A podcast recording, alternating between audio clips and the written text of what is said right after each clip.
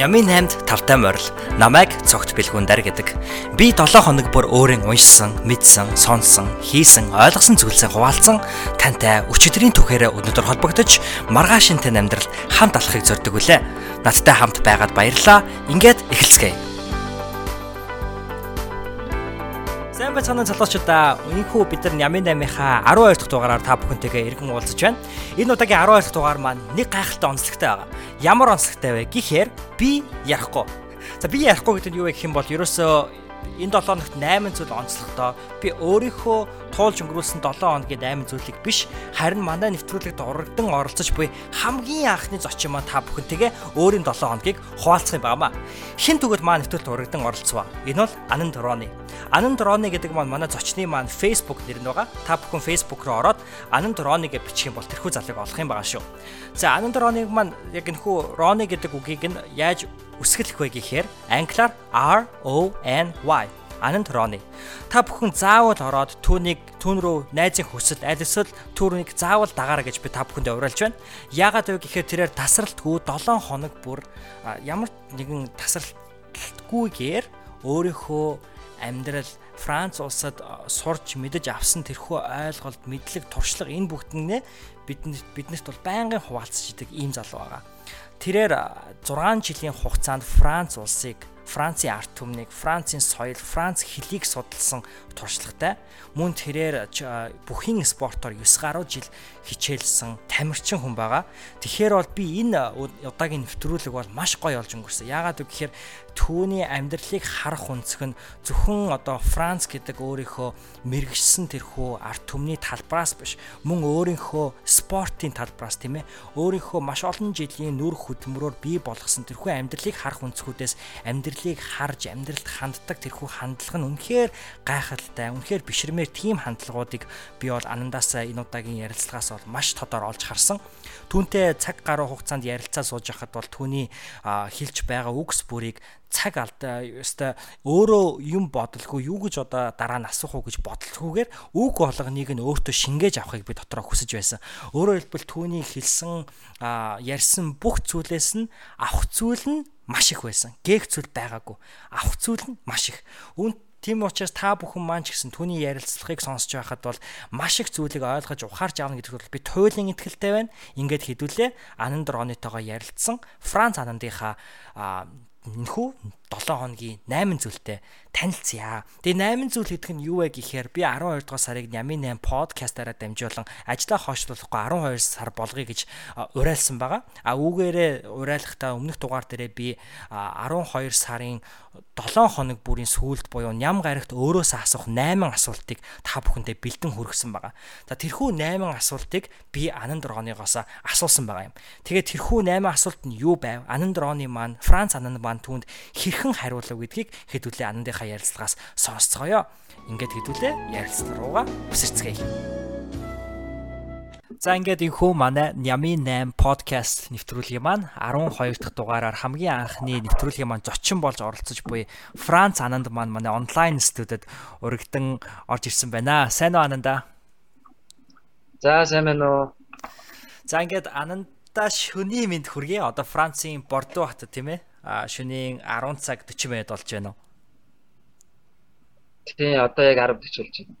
За тэгээд өдөр саяхан ажиллаж дөнгөж ажилласаа орж ирчээ. Тэгээд өөрийнхөө үнэтэй цаг завыг зарцуулаад бидний урилгыг хүлээж аваад ингээм хамт байгаад маш их баярлаа. За та хэдийг бас өрсөнд баярлаа. За тэгээд Нями 8 энэхүү подкаст нэвтрүүлэг маань бусад одоо подкаст ч юм уу ер нь зүйлээс ялгарх зүйл нь юу вэ гэхээр энэ бол ямар нэгэн сэдвийг ярихаас илүүтэйгээр тухайн хэн нэгэн хүний өнгөрсөн одоо 11 дугаар нь болохоор хөвчлэн миний болон зарим тохиолдолд манай найз охины одоо тухайн 7 хоног хэрхэн өнгөрсөн бэ гэдэг дээр 8 зүйлийг 7 хоног бүрт нь онцлоо ярьдаг. Тэгээ яагаад энэхүү 7 хоногт ингээд 8 зүйлийг онцлоо ярьдаг вэ гэхээр хүн болгоны 7 хоногоо суралцах маш нандин эрдэнэ байдаг гэж би итгэдэг. Тэгээд энэхүү өөрийнхөө энэ 7 хоногийн 8 эрдэнийг бидний бэлтгэсэн 8 асуултанд хариу хариулж хүрэх гэж байгаа андаа тэгээ баярлаа. Тэгээд үүний энэхүү 8 асуултанд орохоос өмнө андыгаа бас биднэрт өөрийгөө танилцуулна гэж өөрийг чинь мэдхгүй тэрхүү 13 хүнд бас өөрийгөө танилцуулаач ээ гэж хүсэж байна. За тэгээ. За намайг Анд гэдэг одоогоор Франц улсын Бордо хотод дарсаараа алдартай. Аа. Сурж байгаа ирээд нэг жил 4 сар болсон байна. Тэгээд Монгол улсын их сургуулийг Франц орон судлаар төгссөн. Яг нэг үндсэн мэрэгжил маань одоо Франц соёл судлаач одоо гэсэн мэрэгжилтэй гэсэн байгаа. Аа.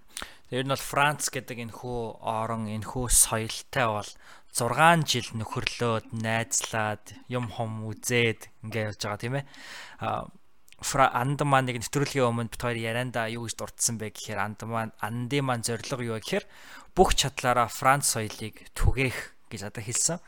Тэгэхээр түрүүн бас надад яагаад гэдэг учраас бас нэлээд тайлбарлсан. Үүнийгээ бас бидний сонсогч нарт цөөн бөгөөд тодорхой өгүүлбэр багтаагаад хэлвэл яагаад вэ?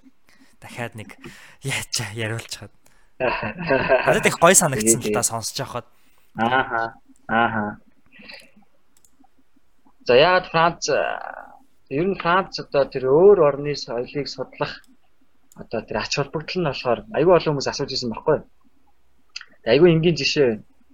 Зөвөр бэлгүүний чи бид хоёр жишээ нэг айлын хөвгүүд эрэгтэй хүүхдүүд гэж бодъё. Манай аав ээжүүд маань жоохон хөрөм чинээгээр жоохон ядуу. Гэхдээ сэтгэлэн сайн өгөөмөр маш сайхан улсууд тийм Аа тэгээд би болохоор хөршийнхөө айлын тэр амьдралыг айгүй амьдралд айгүй баярлдаг атаархдаг байсан дотроо тэ нууцхан яагаад миний аав ээж юм ядуу байгаа юм бол голдог байсан тэ. Аа тэгээд хөршийн амьдрал донд ороод 5-аас 6 жил нэг амьдраад үтцсэн байгаа байхгүй. Хөрш бол мөнгөтэй, чинээлэг, гаднаас нарахад бол яг цайхан харагддаг. А одоо энэ манай аав ээжүүд болохоор яг манай их орон байгаа байхгүй. Манай хөрш бол Америк, Европ, энэ барууны орнууд байгаа. Та бидний одоо яг шүтээд одоо ингээ те. Аа одоо тийм. Тэгээд би тэр дунд ингээ ороод үтсэнгүүт яг гадны орон дунд оронд яг ингээ дунд нь ороод цуг амьдрангууд сэтгэл нь жоохон хүүтэн мэс шиг байдаг. гэдгийг анзаарсан. Тэгээд хичнээн гаднаасаа мөнгөтэйч гисэн маш тийм хүүтэн мэдрэмж байдаг.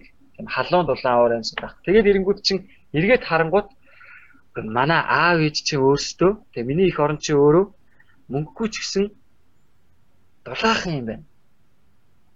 Тэ? Өөр бусад айлуудад хизээж байхгүй тэр их халуун сэтгэл манай аав ээжид байд юм биш. гэдгийг яг ингээд бүр зүрх сэтгэлээрээ мэдэрч байгаа байхгүй. Аа. Тийм. Ерөөсөө яг энэ ач холбогдол нь яг энэ дээр л байгаа юм шиг. Аа. Одоо тэгээд Бордо хотод Франц улсад ер нь 1 жил 4 сар энэ хугацааг өнгөрүүллээ гэж юм тийм ээ. А яг ингээд очоод ингээ амьдарч байхад ер нь яг Монгол залуус, Франц залуус одоо энэ хоёр залуу хоёр өөр соёлтой залуучдын хувьд эх орноо харах үнцг нь ер нь хэр ялгаатай юм шиг байна. Эх орноо үзэх үзэл ч юм уу. Аа шал өөр ш. Аа. Ер нь Монгол залуучууд даа би бол маш бахархаж байгаа. Аа. Тэг эх орноороо бахархдаг, эх орондоо хайртай ард түмүү ер нь дэлхий дээр ховорхон бахав. Аа. Францад бол яг залуучуудаас их орныхын тухай асуухад зүрх сэтгэл нь бол нэг шатаж асахгүй байдаг шин. Аа. Тийм ер нь хүүтэн тийм ер нь өөрийгөө л болгож ивэл болоо. Ер 88 бодороо гэсэн нэг тиймэрхүү үзэгдэл харагдчихэйдэг. Тийм Монгол хүн бол баг их орныхын тухай ярихад бол баг өмөлдчихэд нь шүү дээ. Гой цаанаасаа л нандин баггүй. Аа. Тийм Тэгээ Анандыга ер нь яг Ямин 8 хамгийн анхны зочин болж ороосоо гэж хүссэн энэ хүсэл яг юунаас эхэлсэн бэ гэхээр би Анандыг маш сайн түүх өгүүлэгч одоо үлгэр хэлэгч гэдэг юм уу туйл хайлагч юм болов гэж би хардаг. Тэгээд чиний одоо постлж байгаа Facebook дээрээ тавьж байгаа тэрхүү зүйлс тийм ээ яг бид нарыг ингээд Францад байгаа тийм мэдрэмжийг төрүүлдэг. А түүнээсээ гадна чи зөвхөн одоо гадаад ертөнцөө биш өөрийнхөө дотоод сэтгэлийг ч гэсэн уудалж нэг юм өдрийн тэмдэглэл дээрээ ингээд бичсэн үг зүйлсээ бол ингээд шууд Facebook дээр тавих ч юм уу байсан дээ. Тэгээ би бас бүр Facebook гэж нэлээд scroll down ингээд хийгээд ингээд харж байхад бол гар утсан дээрээ бас бичдэг байсан юм байна лээ. Тэгээд маш олон жилийн өмнөөс ер нь бол өдрө болгон өөртөө янз бүрийн үгийг бол ингэж сануулж хэлдэг байсан. Тэгэхээр сая ингаас яриагийн сонсож байгаа ч гэсэндээ андээс андын ингээ ярьж байгаа зүйл бол яах аргагүй бүр ингээд нүдэнд харагдтал тийм ээ. Ингэж бол ярьж гин. Тэгээд яг үүн дээр тулгуурлаад бас нэг асуухад анд маань өөрөө мууист сурч төгссөн. Энэ хугацаанд бол нилээ нийгмийн итвэх зүтгэлтэй хүүхдээсэн. Яг энэ хүү зүйл нь яг хаанаас юунаас эхлэв? Яагаад ингэж өөрийнхөө одоо тэр comfort zone гэдэг тийм ээ тэр зүйлээс гарах шалтгаан чинь хаанаас бий болов? Энэ тав тухтай орон зайнаасаа яагаад гинт үсрээд босчов гэдгийг асуусан. Ааха.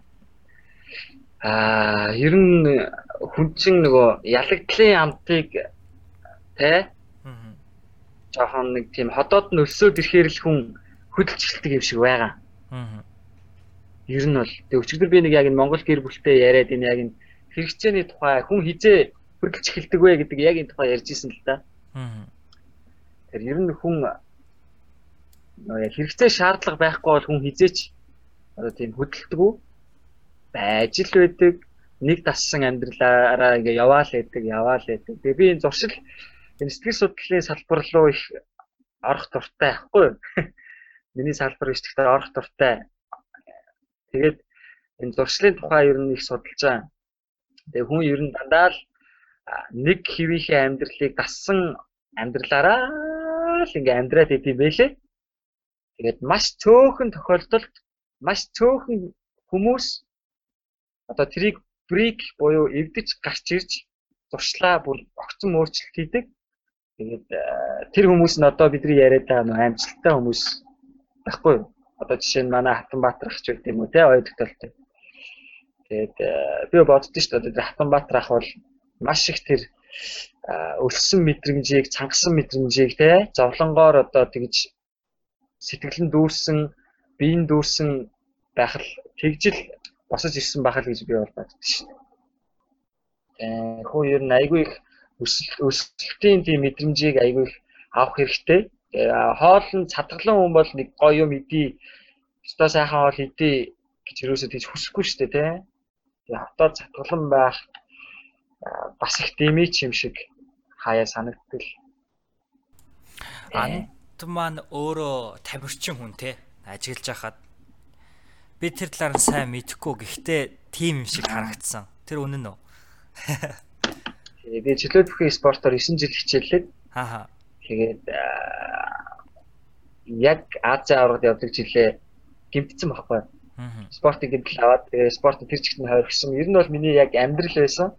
Тэрүүгээр ер нь Олимпийн найдвар гэж найддаг байсан. Одоо манай хамаатнууд бүгд надад найддаг байсан, найз нөхд маань найддаг байсан, багш нар маань найддаг байсан. Хүн болгоны нөгөө нэг ихтгэл найдвар байсан. Тэгээд тэр болгоныг ингээд хугалцсан байхгүй. Тэгээд айгүй хэцүү байсан. Тэгээд нэгдэх тэр мэдрэмж ирсэн. Тэгээ манай ээж хөөрхийн амтсан. Тэгээд асар их өрөнд орохгүй. Тэгээд тэр ээж маань тэр их зовж байгаа хүмүүст хамаатнаас ч бас өөрөнд орсон хүн чи яах юм зээлх байдлаас таньдаг мэддэг байдлаас асуу штэ тий. Тэгээд намайг давуулаад шүүх хамт явна штэ гадуур байдлаас мөнгө асуугаал тэгээд нөгөө өхрийн фермерийн бизнес эрхэлдэг байсан нөгөө нэг зоднаар бүгд байхгүй байхгүй. Германаас хав тарлан фермерүүд оруулж ирдэг байсан.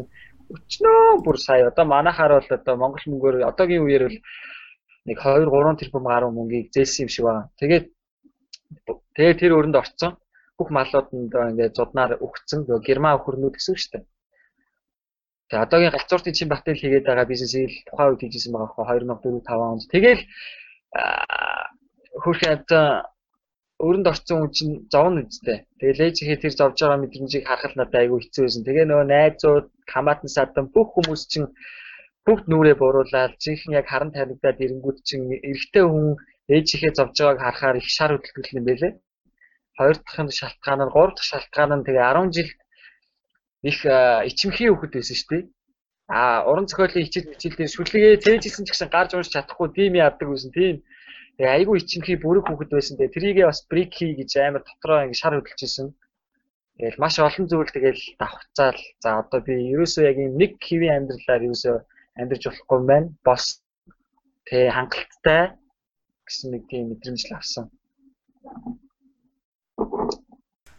Зөв зөв тэгээ гайхалтай бас түүхээ хуваалцж байгаад их баярлаа.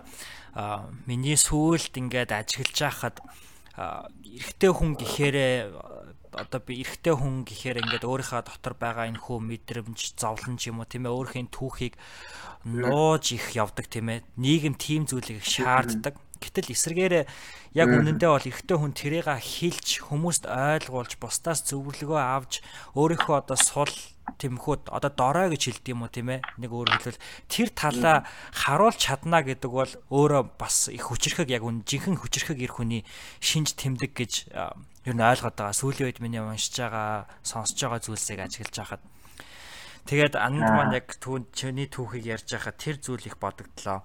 Тэгээд олимпийн алтан одоо олимпийн тамирчин болохыг одоо хүсэж исэн, тэгж найдлага тавьж исэн тийм ээ. Ер нь бол бараг нүдэнд харагд жисэн зүйл яхаа шүү дээ гарт баригдчихсэн. Энэ мөрөөдөл яг аа би яг нэг юм зүйл сонссон байхгүй юу. Simon Sinek гэдэг нэг хүн подкастер ингэжсэн. Өөрөө бага байхдаа юу болохыг хүсэж исэн. Сансрын нисгэгч. Тэгээ сансрын нисгэгч яага болохыг хүссэн бэ гэхээр дэлхийг өөр өнцгөөс хараад эргээгээ дэлхий өөр өнцгөөс харахад ийм зүйл байд юмаа гэж хүмүүст хэлхийг хүссэн гэж байгаа байхгүй. А тэгээ тэр хүн бол одоо яг л тийм зүйл хийдэг. Хичнээн сансрын нисгэгч биш ч гэсэндээ а тэр бол нөгөө байгууллагын одоо хүний нөөцийн зөвлөх гэдэг байхгүй. Нэг үгээр айгу тайлбарлал. Тэгээд өөр өнцгөөс айгүй одоо энгийн сонгодог хүний нөөцөр биш. А гэхдээ айгүй өөр өнцгөөс хараад эргээгээ тэр хүмүүст байгууллагыг ингэж удирдвал зөв юм байна гэж хүмүүс тайлбарладаг. Тэгвэл чи олимпийн тамирчин болохыг хүсээд а үнэхээр яг шууд утгаараа олимпийн тамирчин болж чадаагүй ч гэсэндэ өнөөдөр чи амьдралтаа өдөр тутамдаа өөрийгөө тамирчин хүн гэж хардаг уу? А ер нь амьдрал чинь яг олимпийн тамирчин хүний өнцгөөс чамд бодогддог ч гэдэг юм уу. Чи ер нь тэр талаас юу гэж хардаг вэ? Би яг юу гэж одоо үгэнд ороод өгүүлбэрт оруулахаа сайн мэдэхгүй байна. Гэтэ аа санааг нь ойлгоцсон тий санааг нь ойлгоцсон тий. Аа би Монгол яг залуучуудыг одоо шинэ ирээдүйн шинэ аав ээжүүдийг хүүхдүүдээ спортоор заавал хичээллүүлээрэ гэж зөвлөмөр санагдтыг бас урлагаар бас бас яг урлагийн мэдрэмж хүний мэдрэмжийг хөгжүүлдэг энэ урлагийг урлагийн ямар нэгэн хөгжмөөр заавал хичээллүүлээрээ заавал сургаарай гэж би бүр захимаар байна. Аа. Тэгээд би тэр спортын тухайд одоо 9 жил хичээлээд би айгүй их юм сурцсан баа. Дотроос нь. Тэгээд одоо айгүй их нэг ингээд зүйл ингээд дандаа ингэ жишээ авахад дандаа тэр спортороо бас нэг цензуурлаж жишээ авдаг байхгүй. Тэгээ яхад бол айгүй их юм. Гэхдээ аа спорт надаа маш тийм тийм төвчээртэй байхыг л айгүй зааж ирсэн. Одоо хүн болгол төвчээртэй байх мах ингэ хэлхэл байх л та. Гэхдээ зүгээр яг өөрөө ирэхгүй сэтгэл дотроос ингэ гардыг байна. Яа тэр нүдэнд багш нар харагдаад идэг байхгүй. Яа тэр нөгөө нэг бидний тэгдэг байсан. Зүгээр энгийн энгийн зүгээр өдөр тутмын бэлтгэл дээр за өвдөжсэн ч хамаа авахгүй зүгээр бэлтгэлтэй ир гэдэг баг. Тэ. Тэгээд хэрвээ та одоо бэлтгэлээс хоцорж байгаа бол тодорхой хэмжээний юг авдаг юм нөгөө нэг юм прүүс гэдэг юм дөрвөлжин том мод гэдэг шүү дээ тэ. Тэ бүх нөхдүүдийг жагсааж байгаа л хоцорсон нөхрийг урталт нь гаргаж байгаа прүүс дөрвөлжин модоор руу нь бөкс рүү нь ингээл 3 3 зохино шүү дээ. Тэгэхэд бол хүн ер нь хизээж хоцорно гэж байхгүй. А тэгээ хүн Тэгэхээр хүн чинь цааш цаашдынхаа амьдралд ер нь алдаа гаргавал альшгүй буруу зүйл хийвэл шангаа хүртдэм байна гэдэг зүйлийг жишээ нь ингээд амьдралын философиудыг ингээд ойлгоод эхэлж байгаа байхгүй. А тухайн үед бол хичээлж байгаа хүмүүс юу ч ойлгохгүй шүү дээ. Дунд нь өө багш ингээд зодоод ч гэдэм үү нэг хүүхдийг олж аа эргээд одоо харахад бол ер нь яг бүх одоо маш нарийн юмнууд спортод ингээд дотор агуулгад байдаг юм байна.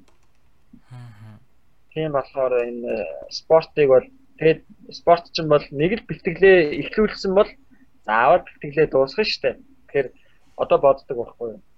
Би ямар нэгэн зүйл эхлүүлэх юм бол заавал дуусгана гэдэг тэр нэг инстинкт гэдэг шүү дээ. Бүр инстинкт бүр тэр одоо тэр habits те Ингээд цусан цууцсан байгаа байхгүй. Аа.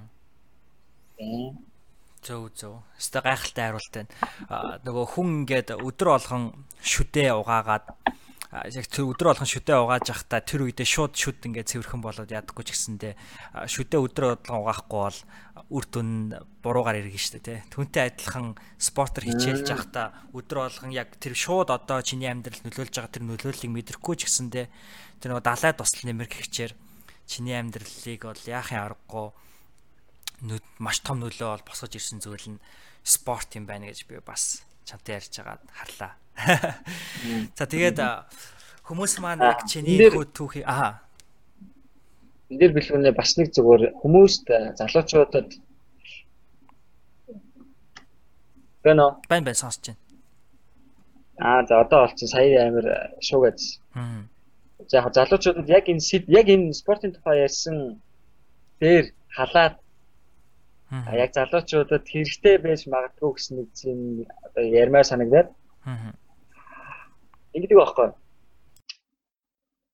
Зүгээр чи боксинг спортоор зүр хичээл чинь гэж чи өөрийгөө төсөөлтөө билгүү нэ. За. Тэгээ ингэдэг байхгүй юу? Я бэлтгэл ингээ хийнгүүт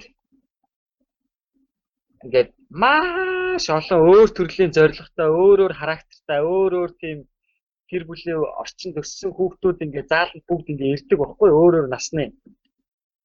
А тэгээ тэр донд чинь одоо би эргээ ингээ харна шүү дээ. 9 жилийн ингээ бодоод харангуут яг ямар хүмүүс нь яаж бэлтгэлээ хийсэн хүмүүс нь арай илүү медаль аваад амжилттай арай илүү хол алхаад байсан бэ гэдгийг би ингээ одоо ингээ дүгнээд харна шүү дээ 9 жилээ. Тэгэнгүүт ерөөсөө л бид нар нөгөө бэлтгэлийн явцад ингээл айгүй их нөгөө нэг тийм юу яадаг байсан. Хоорондоо яриад, маазраал, хүүхдүүд юм чи яа хоорондоо нэг бэлтгэлээ хийхгүй. За багш 10 сүнэ гэхэд нэг 5 6 сүнэчаал гэдэг. Тэгээл за 10 удаа өнхрөх дасгал хийгээрэй гэхэд нэг 6 удаа өнхрөх дасгал хийчихэл энийгээ зогсож идэг байхгүй юу да. Хүүхдүүд юм чинь. Тий. А яг тэр донд биш үү те бихгүй нэ. Аа. 10 сүнэгаараа гэдэг багш хэлэхэд 12 сүнэчаа зогсож идэг. За 20 гидсийн татал хийгээрэй гэхэд 30 удаа гидсийн татал хийчихэл чив чимээгүй дууга зогсож идэг. Тэ? Анзаардаг байхгүй юу? Бүгд нөгөө хийгээд нөгөө гидсийн таталч хөвж байгаа тийм тэ. Тэнгүүд чинь бүх хүмүүс нөгөө гидсийн таталтаа 20 хийх ёстой байтал 15 6 хийжээ босон шүү дээ. Дасгалаа хийжээ босно. Тэнгүүд тэр хүүхэд ганцаараа ингээл тэ 26 7 8 9 30 ингээл хэвтэ хийгээд идэг байхгүй юу? Хүн болго харж байгаа шүү дээ. Ганц хүн хөвтөө хийгээд байгаа харчаа. Тэгээл тухайн үеч нөө хүүхдүүд шоолж тэр хүүхдийг аа энэ хотлоо юм газаараа хичээсэн юм юм гээл ингээд. Тэгээ тэр хүүхэд ингээд чип чимээгөө даруухан дув дуугу хийгээл идэг байхгүй тэрийг. Одоо тэр хүүхэд нь штэ. Тий нэрийг хэлэхэд одоо энэ дэлхийн аваргын мөнгөн медальт номин гээд нэг залуу байгаа ажилтдаг юм. Тэр байхгүй юу? Тий тухайн үед бүгд шоолж исэн байхгүй юу? Аа. Одоо бол чөлөөт бүхийн дивжин дээр улсын одоо хэдэн чудаагийн одоо хэдэн мянган удаагийн авраг байхгүй юу? Дийлдэхгүй зүгээр. Техник механик жагуу. Тийм. Тэгээ эргээ харангуут чинь ерөөсөө одоо би өштэй хичээл дээр их сургууль дээр заяа билгүнэ. Аа. Мөсөд тэгж боддог байсан байхгүй юу? За энэ бол анги дотор ороо суухдаа би бэлтгэлийн заал гэж боддог байсан байхгүй юу? бусад хүмүүс надаа ямар ч хамаа байхгүй.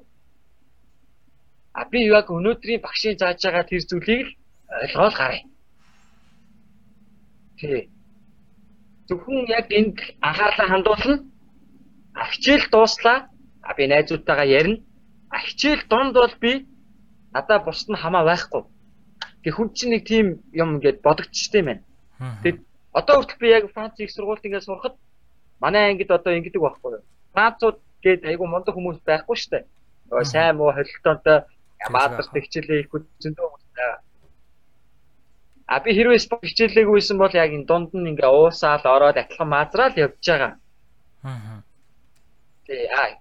Тэр спорт надад заасан зүйл нь а одоо би Францын одоо хэлний яг энэ одоо энэ сургууль сурахад одоо одоо хичээлийн явцад амар төвлөрдөг байхгүй юу? Манай ангийнхаа хэлдэг баг. Андаа чи хичээлийн хичээл одоо яг хичээлийн процесс донд ямар амар төвлөрд юм бэ гэж тэгдэг байхгүй юу? Би одоо дуугуул гэж би юу гэж хэлэх юм те? Аа харин тийм ээ. Байж юм. Дуугуул тий аа гэж нэгээл дараахан байж юм. А гэхдээ тэрийг надаа яг спорт заагаад өгчөж байгаа байхгүй юу?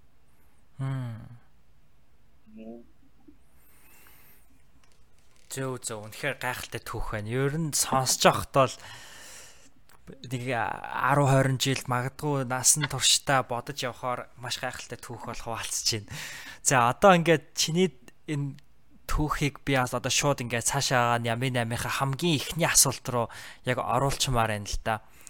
А Ингээд хэдүүлээ яг 8 асуулт руугаа оръё те. Үзэгчд сонсогч нар маань ч гэсэн яг чиний талаар нэлээд гайхалтай ойлголттой болж чадлаа гэж би бол бас харж байна. Ягаад гэвэл би бол үнэхээр бас анд хоёрын хувьд бол би бинийгаа ингээд Facebook дээр дагаад найзлаад явдаг ч гэсэндээ яг ингэж бол ийм одоо дотнч гэдэг юм уу ийм нарийн сайхан яриа бол өрнүүлж байгаагүй. Тэгээ яг ингээд ярьж байхад бол маш сайхан миний чиний талаарх одоо бодол бол задраад чамааг бас ойлгоод хүнний ч хувьд хэн бэ гэдгийг харж авч чинь. Тэгээд одоо илүү нарийн чамааг бас мэдж авмаар байна. Аа тэгэхээр миний 8 асуулт надад туслах нүггүй юу үзцгээе. Тэгээ хэдүүлээ хамгийн анхны Ями 8-ийнхаа 1-р асуулт руу орцгоё. Тэгээд энэхүү 8 асуултыг бол Ями 8-ийн 11-р дугаар дээр танилцуулсан байгаа. Сонсогч нар маань ч гэсэн энэхүү 8 асуултыг бол өөрсдөөсөө асуугаад явах боломжтой байгаа юм шүү. За ингээд Ями 8-ийн маань хамгийн анхны 1-р онцлог асуулт бол энэ 7 хоногт өөрийн тань хамгийн ихээр талархаж буй зүйл юу вэ? Юу вэ? Юу юм аа. Аа. За би ерөөсөө чиний асуултуудыг харсан байхгүй юу? 7 хоногийн өмнө чи над руу явуулсан. Гэтэ би ерөөсөө бэлдэж бод чадаагүй. Тэгээ яг энэ асуултуудад бол яг гоё өөр төрсэн мэдрэмжээрээ яг одоо бэлдэхгүйгээр гоё ярилцъя гэж би бодсон шүү заяа. Тий, тэр нь гоё. Аа. За тэгээд надаа яг халахж байгаа зүйл гэдэг юм бол аа одоо гэр бүл найз нөхөдөө амар баярлж байна би. Хайр хүрээдээ. Энэ нөгөө нэг Франц зурхаар нөгөө жил болго нэг оюутны виз сонгодог байхгүй. Тэгээ Америкт яг яад юм гэдэггүй. Франц болохоор жил болго ингээ виз сонгодог. Гэхдээ хичнээн та сайн дүнтэй байсан ч айгүй амжилттай байсан ч визийг чинь сонгохгүй тохиолдол зөндөө байдаг байхгүй. Тэгээ нөгөө нэг өөр манай одоо гадаад оюутнууд найзууд байгаа шүү дээ. Тэдний ингээд их орн руугаа одоо видео сонгогдаагүй буцсан найзууд зөндөө байгаа байхгүй юу? Тий. 140% нь буцдаг байхгүй юу? Аа. Хичнээн сайн байсан ч гэсэн. Тий. Тухайн улсынх нөгөө нэг улсынх нь одоо тэр нөгөө политик одоо тий бодлогоос хамаарат ингээд их орноор нь буцаагаад байдаг байхгүй. Их орн чи хэцүү байна та их орн руугаа буцсан гэдэг. Альс нөгөө дипломат харилцаа иймэрхүү байна та буц гэдэг ч юм уу тий. Тэгээд тий уржигдэр хариу сонсоод нэг жилээ сонгогдлаа позитив хариу авсан байхгүй юу? Баяр үргийа. За өстой баярлалаа. Тэг бөө баяр. Тэгээд би тэрийг нөгөө найзуудтай хэлцээсэн. Гэрийнхэндээ бас нэ хэлцээсэн. Би өөсөө гэрийнхэнтэйгээ найзуудтайгаа баян ярьж байгаа юм чинь. Хоол байсан ч гэсэн ингээл ойр юм чи өдөр болго яг хөл хад над руу залгаад. Тэгээд над руу сая сүүлийн 7 хоног чи сүүлийн 7 хоног өдөр болгон залгаа. За андаа яасан хариуж гасан уу? За минь яасан? Хариуж гасан уу? За юу болсон гэл ингээ баян хөөрхөн санаа тавиад. Нөгөө баярлж байгаа дотроо хүн юм чи нөгөө баярлаад. Хол хичнээн холч гисэн тий яг хажууд байгаа юм шиг байн байн мессежэл залгаал тий санаа тавингууд чинь хүний сэтгэл ингээ астсан юм байна. Өөр ирэхгүй хайр үрээд. Тийм чамд ийм санаа тавьж байгаа. Бүр сэтгэлээсээ гоё ингээ санаа тавьж байгаа. Гэр бүл найз чинь ингээ байгааг мэдрэх тэр мэдрэмж надад амар гоё санагдсан. Тэгээ яг тэр өдөр нь яаж яхад бас яг мэдээгээ сонсоод бөө баяр өдөржингөө. Тийм. Тэгээ яг энэ 7 хоног бол энд их баярлаж талхаж одоо найз нөхөд гэр бүлийнхэндээ байгаад нь баярлсан. Тийм. Зөө зөө маш гоё түүх байна. Тэгээд яг энэ 7 хоногт нь бас таарад өнөөдөр бас анд маань шинэ ажлын урилга авсан те. Ингээд яг ийм гоё 7 хоногт нь таарад бас яг энэ 7 хоногийг нь ямын амаараа онцолж байгаад би бол өөрөө бас маш их талархаж байна, баярлж байна. За баярлалаа маш гоё хариулт байлаа. За хоёлаа тэгвэл одоо шууд 2 дугаар асуулт руу орох уу. За. За тэгээ асуултууд руугаа гээс ороолаа тий. Тэгээ. За, хоёр дахь Нями 8 маань онцлог хоёрдугаар асуулт маань дараа 7 хоногт маань туслах энэ 7 хоногт сурсан хамгийн том сургамж юу вэ? Аа, за. За би энэ дээр диалектийн тухай ярих гэж бодсон. Айгуу тавч байгаа. Аа. Яг энэ 7 хоногт гэхээр яг өнөөдөр болсон процесс баггүй. Би өнөө өглөө Франц хоол хийдэг нөө cooking клаб руу очсон баггүй. За. Ийдүүд бас айлын нөхөр болохын ч бас нэг хоол хийж сурыг гэж бодохгүй. Гэтэ гоё юм. Анд бол үнэхээр тал талын авьяастай, сонирхолтой. Үгүй гүйс тийм байхгүй зүгээр дуртай зүгээр яг ирээдүйдээс хэрэг болох юм чинь гээл. Тэгээд очив. Тэгсэн чинь нэг гоё яриа өрнөд. Тэгээд тэнцээ болохоор нөө дандаа гадаад оюутнууд, Франц оюутнууд ингээ байдаг байхгүй. Тэгээд нэг 20 хэдэн залуучууд цуглаад зумдаасаа ингээ яваад яваад зургуулаа үлдсэн. За. Тэгээд нэг диалектийн буюу энэ нутгийн аялгийн аялгауны тухай ингээ яриа өрнөд айгүй халуун яриа өрнөд. Тэгээд Итали, Герман, Бразил, Аргентин, Казахстан, Монгол гэсэн юм 6 орны залуучууд хоорондоо юм ярьсан байхгүй. За. Тэгсэн чинь бүгд ер нь ингээд айгүй тийм харамсаад зарим нь ч бас бахархаад ингээд ийм яриа өрнө. Тэгээ яасан бэ гэдэг ингээд ингэдэм байна. Бусад орнуудад ч гэсэн одоо нөгөө нэг юм нутгийн аялга гэж юм байдаг шүү дээ. Маа Монголоор болохоор энэ бурайд аялга, увс аялга гэдэг Тий. Хатуул одоо аялагчуд юм уу тий? Аялгууд байгаад байдаг шүү дээ. Тэгвэл 10 жилд одоо ийм аялгатай хүүхдүүдийг бид нэр шоолоод байдаг шүү дээ. Одоо хамгийн ойрын жишээ одоо улсын хурл одоо нөгөө хууль зүйн сайд нямд орж байна тий ингээд шоолоод аягүй хийнэ гэдэг.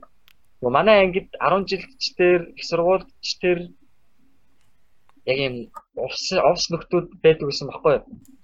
Тэгээ манай ангийнхан чи их шоолдог байсан. Тэнгүүд чинь тэд нар өөрсдөө нөгөө яриад үзэнгүүд тэр хүүхдүүдийг айгүй шоолдруулж шоолдог байсан баггүй? Ойлгож байна тий? Тэгээ тэр хүүхдүүд чи яах юм бэ өөр хамтаа хотод түрээд ирдэг. Хөдөө байж үж байгаа хотод түрээд ирдэг. А тэнгууд чин тэр хүүхдүүд чин хүүхдүүд шоолоод ангууд чин тэр хүүхдүүд дэмжиг тосно штэ. Санаа зовж эхлэн штэ. Миний ингээд дуудлагыг хүмүүс шоолоод байна гэд. Тэгсээр хөтл нөгөө нэг юм сэтгэл ингээ нөө closed буюу ингээ юм хаалттай болж эхэлж байгаа. Хүнтэй харилцах харилцаа нэгэ бүр ингээ дотгошоогоо хаалттай болоод ирдэм байна. Хүн. А тэгээд нөгөө өөрийнхөө тэр тэр их гоё унган байгалийн аялга өөрийнхөө соёлыг үзий ядаж эхэлдэм байх хүн. Тэгээд нөгөө нэг тэр одоо яг нөгөө манахаар хотын соёлыг шүтж эхлээд өөрийнхөө жинхэнэ унган байгалийн соёлыг нулимж эхэлж байгаа. Тэгээд аав ээж те хотын со хүүхдээ хотын соёл зургаж эхэлдэг. А ингээд ер нь ард түмний соёл устгагдаж эхэлдэг байгаа байхгүй. Тэгээ энэний талаар ингээ өнөөдөр ярьсан. Тэгээ би яг энэ подкаст сонсож байгаа залуучууд байвал нэгтгэх нь та те хэрвээ хөдөөнөөс орж ирсэн нутгийн аялахтай өөр байж болно. А ангийнхан чинь их сургуулийнхан чинь чамайг шоолдог, доогддог, одоо найз хүнтэй боллоо, те охинтой өвслөө тэрнийх найзууд нь ингээ шоолдог, хоорондоо шивэр авир гэдэг хамаагүй шүү, те бити санаа зовоорой. Энэ бол унган төрөх байгаль байгалаар энэ натуралны дээрээс нь дэлхий дээр ховордож байгаа энэ зүйл 50 жилийн дараа бүр супер од болох байхгүй юу? Одоо энэ 50 жилийн дараа энэ Монголын нам одоо тэ nomadic life буюу энэ хөдөөний нүүдэлчин аж ахуй амьдрал од болноо. Тэ? Энэ бол бүр ингээ ховордоо тооцогдоод даяашил дунд салхин дунд туугдаагүй өөрийнхөө үзэл бодол соёлыг атгалж авч үлдсэн хүчрхэг Монгол улс гэж яригдах хэрэгтэй байхгүй юу? Уул нь одоо 50 жилийн дараа. Аа. Монгол залуучууд одоо юу яриад байна гэхээр энэ Монгол гэртээ одоо бид нар байгаад байна. Нийгэмших ёстой гадны орнуудыг хар одоо те бид нар бол хоцрогдоод байна. Оркууд жоохон юм үзээгөө буруу яриад байгаа. Тэгээ би энд айгүй эмсэлээд одоо би энэ гадны орны соёлыг судлаад байгаа судлаач хүний үүднээс одоо эрдэмтэд болохоор нөгөө трийгээ илэрхийлж чадахгүй эцгийн уншсаар байгаа одоо нөгөө илэрхийлэх чадвар муу болцсон. Хэлж чадахгүй одоо өөрсдөө дотор бодоод идэг. Тэгээ би болохоор яг энэ дотор нь дунд нь байгаа халуун цэг дээрээс нь хэлэхэд хоёр дахь зүйл нь энэ хараа. Orc гэдэг энэ яриа гэдэг залуу тий. Одоо энэ монголоор дүр фэйсбүүкээр дүр orc orc гэж яриад штеп билүү нэ. Тий. Би энэ дээр амар эмзэг хандж байна. Би энэ дээр амар тийм гомдж уур хүрж байна. Аа. Яа тэгэхээр 5 жилийн турш би ингээд хөдөө гадуур 20 Монголын 21 аймгаараа сум бүх сумуудаар ингээд явсан. Франц жуулчдаа тэгээд жуулчд дагуулад яг жинхэнэ яг Монгол амьдрал Монгол нүүдэлчин малчаа ах их нартай ингээд яриад 5 жил болсон байна. Аа. Яг дунд амьдрал дунд нь ороо явдаг. 100 тэнгуүч нөө 100 болохоор нөгөө нэг оюутнууд чинь хөдөө нөө ээж аав дээрээ буцчихсан нутагтаа үрээд ирдэг. Тэгээд тэр нөгөө нэг нутагтаа ээж аавдаа ингээд туслаад байж байгаа хүмүүс нөгөө нэг оюутнуудтай яг хөдөөний оюутнуудтай би ингээд чин сэтгэлийн яриа өрнүүлдэг байхгүй юу? Аа. Надаа надад хэлдэг байхгүй юу? Амдахаа надад амар хэцүү байдаг хотод сурах гэдэг. Яагаад гэдэг? Намайг амар шоолдог. Ингээд би ингээд орк байхгүй юмсан орк одоо те зан гаргахсан хөдөөний зан би ингээ те ингээд тэрийг харуулчихгүй юмс ингээ амар их ингээ стресстэй санаа зовлттой явдаг. Өглөө болгон би бодож байгаа зүйл намайг хин шоолох бол намайг юу гэж ярих бол намайг одоо те шоолчих болоо намайг хөдөөний гэдгийг энэ залуу мэдчих болоо энэ охин мэдэх болоо гэж би амар санаа зовлттой явдаг гэх. Тэгээ би гайхчих. Чи юу яриад та? Тэ? Тэр хүүхэд би тэгээ өргөдөж байгаа байхгүй юу? Нийгэм тэр хүүхдийг тийм болгоцсон байгаа Гэтэл тэр хүний цаана тий яг тэр хотын залуучуудад байхгүй тэр их сайхан сэтгэл, тэр их зочинтгой зан тий тэр их ер нь хүнийг өрөвддөг тэр сайхан сэтгэл а хүнд туслах тэр тусламж бүр цагаахан тэр тэр андин чанар те одоо нөхөрсөх чанар жинхэнэ найзлуул жинхэнэ тулгатай төвшигтэй тэр бүх гоё нандин чанар тэр хүнд байгаа хгүй яг үнэндээ Гэтэл тэр бүх чанараа тэр хүн нулимж ш. Надаа юу ч байхгүй байна. Хотел залуучууд гоё юм байна. Гэ нүд нь сохорчлоо ш. Харамсалтай байхгүй юу? Юу яриад байгаа юм те? Хотын залуучууд өөрт өөрсдөд нь юу байгаа? А нэг л сайхан соёл ярьдаг. Тэр соёл нь барууны Америкийн, Европын соёл үүтэй. Гэхдээ яг Монгол улсын identity буюу тэ Энэ бол одоо нүүдэлчин соёлоос уламжлалтай. Бид нар хэрвээ орк гэж байгаа бол тэ бидний өвөг дээц өвөө имэнэрийгээ ч гэсэн орк гэж дуудаал чичлэл загнах хэрэгтэй байхгүй юу?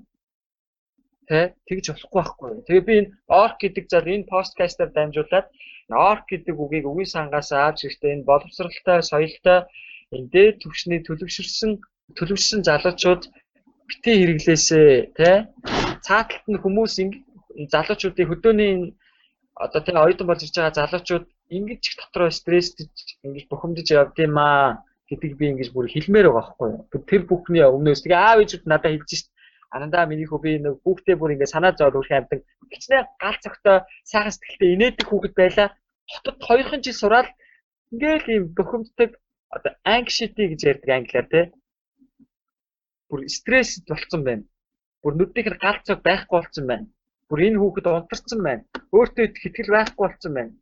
Энэ хүүхдийн бүр сүнснэ хаана байна гэдэг гимээр болцсон байна гэж бүр аав ээж нөгөө хүүхдэд танихгүй болцсон. Нөгөө хүүхд нь орк гэж хэлвэл хотын хүүхдүүд намайг шоолох болов гэж ингэ санаа зовсоор байгаа ингээд нөгөө нэг гой мэрэгжил эзэмшээд те гоё юм сураад гоё нийгэмшээд ингэх хэрэгтэй байтал бид хөдөөнийхөө оюутнуудыг буруу үл хийдэж байгаа. Энэ дээр би амар санаа зовоод бүр Тэгээ яагаад одоо энэ бүр гоё алдартай дуучин уран бүтээлчд хүртэл энийг ойлгож харахгүй бүр улам нөгөө нэг дайран дээр нь давстай гал дээр нь тоос нэмээд тэнэгтэй байгаа байхгүй юу. Асар тэнэглэл энийг бүр болох ёстой гэж би бүр захимаар байгаа. Аа. Э. За баярлалаа. Тэгэхээр энэ хоёр дахь асуултанд бол зөвхөн Ананди маань бид өөртөө сануулж байгаа сургамж биш. Ер нь бол бид бүгдэд бүгдөөрэндээ хамааралтай маш том сургамж гэж би харлаа. Зөвөр яг орк гэдэг бол нэг жишээ тийм ээ. А бид нэр өөрсдөө мэдэхгүйгээр зүгээр жижиг сажиг ингээд харилцаа өдөр тутамд орж байгаа харилцаанаас нэг хүний бүхэлдээ амьдралыг ингээд оронгоор нь эргүүлж хайдаг. Гэтэл тэр хүний цаана ямар их потенциал байж болох байсан тийм ээ. Түүнийг нь бид нэр ингэж бүгэлж нухчанд арж идэг ийм амир зүйл байдаг юм байна. Үүнийг гаргаж ирсэн аннтаа бол туйл их баярлж дээ. Би маш их санал нийлж байна. Орк гэдэг зүйл бол ер нь барууны соёлоос харах юм бол хаанаас гаралтай вэ гэхээр нөгөө нэг ногоо амьтдыг хэлээд байдаг шүү дээ кинон дээр гардаг тийм ээ. Warcraft гэх тоглоом дээр гардаг кинонууд ч байдаг.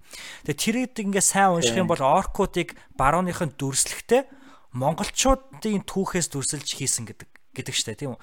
Монголчууд чинь айгүй барбарик тийм ээ бүдүүлэг зарим нөгөө эртний түүх соёл дээрс баг монголчууд чинь гидсэн дээрээ том амтай ямар ямар юм ч гэнэ хідэн одоо хоёр хүнтэй нийлүүлсэн юм шиг өндөр мөндөр гэл. Тэгээ монголчуудаас дүрсэлж одоо бид нарыг орк гэж тэрхүү одоо одоо шинэ дөрүүдийг гаргаж ирж исэн. Гэтэл эргээгээд яг л нөгөө нэг харуудыг цагаанууд нь нигер гэж дуудаж одоо одоо доошо хийдэг те гэтэл харууд нь эргээгээд өөрсдийгөө би биенийгаа нэга гэж дуудах маягаар ядагтай адилхан монголчууд бас яг тиймэрхүү цөөлийг одоо хэрглэж өөрсдийгөө гутаах тэр одоо барууны биднийг харсан үнцгийг бол өөгшүүлж байгаа юм байна гэдгийг бол чиний ярианаас бол бас бодож цунгааж суулаа. Тэгээ маш их баярлалаа үүнийгээ бас бидэнд хүргэсэнд. Тий. За. Тий. Зөө ингийн боддоо зүгээр чи ингээд их сургуультай Миннесотад их сургууль чинь чааг явангууд ангийнхан чинь бүгд чааг. Өө мө тэнийг Монгол өө Монголоо. Тэгээд нэг жоохон хүүхдүүд ангийнхан эрэгтэй Америк хүмүүс буруу те жоохон алдаа гарангууд лөө чи одоо Монгол юм уу хайшин гэл те. Аа чи одоо арай чи Монгол шиг бити байл та. Монгол ийм монголчууд шиг бити тэвнийг байл та гэл. Чамайг бүх ангийн чи бүх хүүхдүүд ингээ шоолоод чамайг бүх Монгол гэвэл чамд гэхдээ яг яаж тусах вэ? Хэцүү штэ. Ер нь Монгол гэдэг өвчин баруун ч гэсэн нөгөө өвчнөд холбогдож ярьдаг те. Дээрээс нь юм байна. Дарвины синдром гэдэг. Тий. Тий. Яг тийм багхгүй юу. Тэгээ хөдөөний өвчтүүдийг нийгэм хотын залуучууд яг ингэж байгаа багхгүй юу. Аа. Тий. Тийм ээ. За. За. Тэгээд 3 дахь асуулт руугаа орохоос өмнө бас хамгийн их ярианы ихэнд ярьсан тэр нөгөө диалект буюу одоо юу штэ аваа юу гэдгийг ярих тэр хэв маяг гэж одоо монголоор хэлдэг юм уу. А энэ дээр болохоор ерөнхийлөгч асаа элбэгт орж нэг нэвтрүүлгээр хэлчихсэн. Монголчуудын энэ хүү одоо ярьж байгаа одоо өөр өөр диалектууд нь Монголыг өөрийг нь баян болгодог зүйл юм а гэж нэг хэлж ирсэн. Яг яг юу гэж хэлснийг нь би санахгүй. Гэхдээ яг ийм утгатай зүйл хэлж ирсэн. Маш олон жилийн өмнө. Тэгээд энэ миний үг сэтгэлд бол баг нэлээд хэдэн жил бол яг ингээд үлдсэн. Тэгээ би бол яг хүмүүсийг янз бүрийн авил одоо ингэж аваагаар ярихад бол яг тэр үг айгүйх бодогддог байхгүй. Энэ бол өөрөө Монголын баялаг юм байна гэх тийм ээ.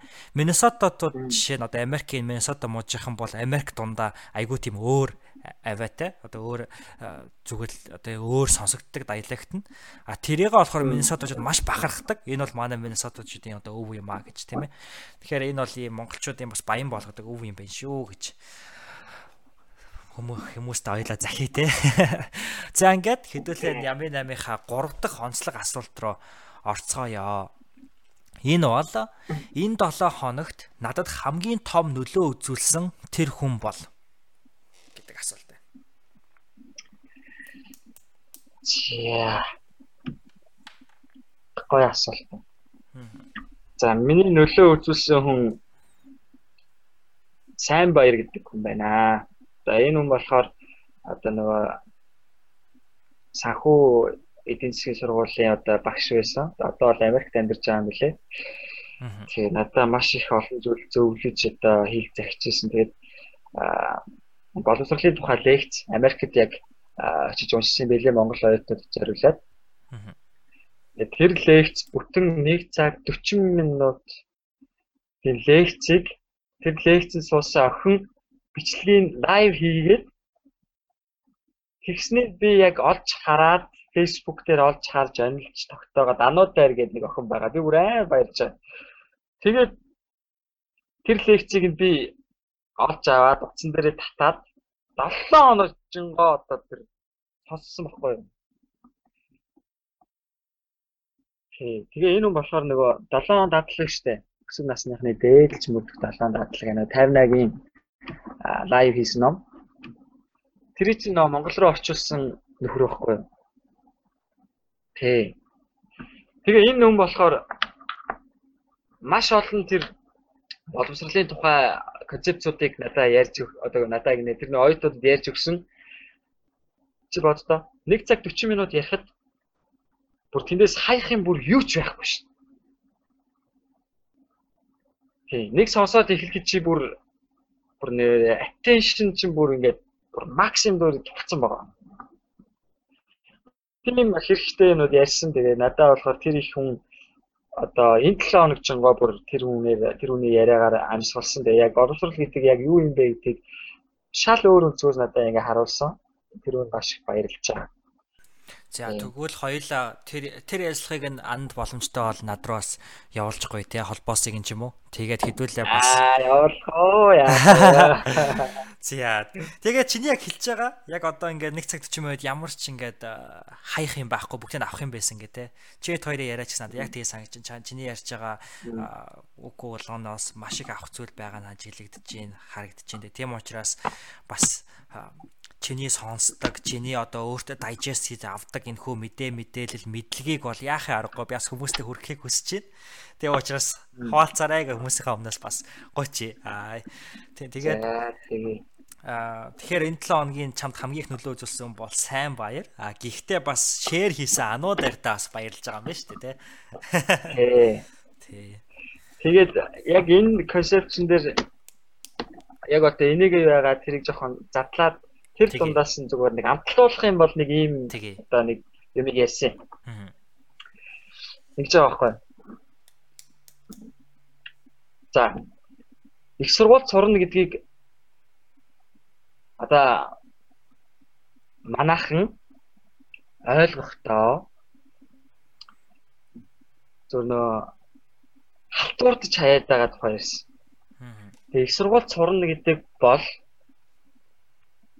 одоо тухайн одоо сурж байгаа ямар нэгэн одоо чиглэл юм уу мэрэгчлээ acquire хийх тий бүр одоо манай нөө дахан тий дахан хүн хилдэг штэ. Дахан хүн бол гартаа оруулна гэж ярьдаг штэ. Ямар нэгэн зүйлийг ингээ хийхдээ бүр нэг дадлаг дадлагчих гартаа оруулах.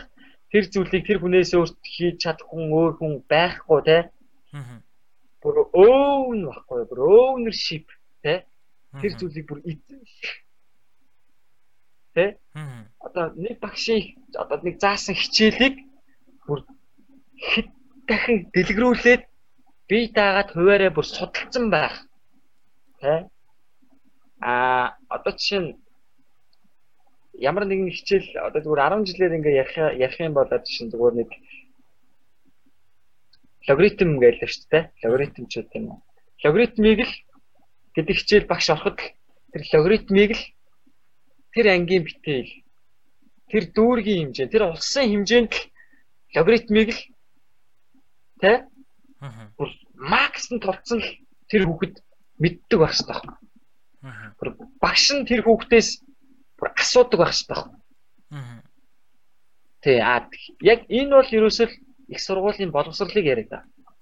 Аа. Гэдгийг л а бусад одоо тэр математикийн хичээлд ордог те бүх бусад одоо тэр нэг хичээлүүд нь штэ. Аа. Функц энэ гээл те. Тийм, функц, график одоо тэр өгүүлбэртэй бодлогочд юм уу зүгээр яг нь 10 жилийн хүүхдүүд сонсож байгаа болохоор илүү дөхөө хэлээд байна л та. Аа. Тэгээд дээрэс нь юунууд байна. Аа, геометрийн бодлогод байна те. Хүн болгон нөгөө нэг тэр секторуудыг ингээ хуваагаад авцсан байгаа байхгүй.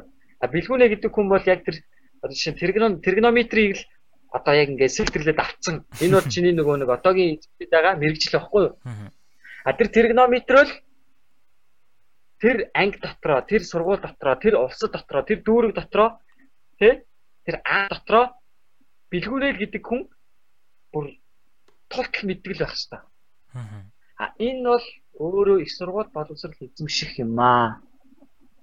Тий. А манайхан буруу яриад та хичээлд явж байгаа гэх.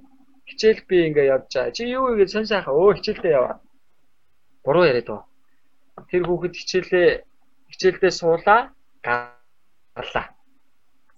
Тэр ямар ч тийм нөгөө нэг прогресс байхгүй, ямар ч тийм нөгөө нэг дэлгэрүүлэлт байхгүй. Аа.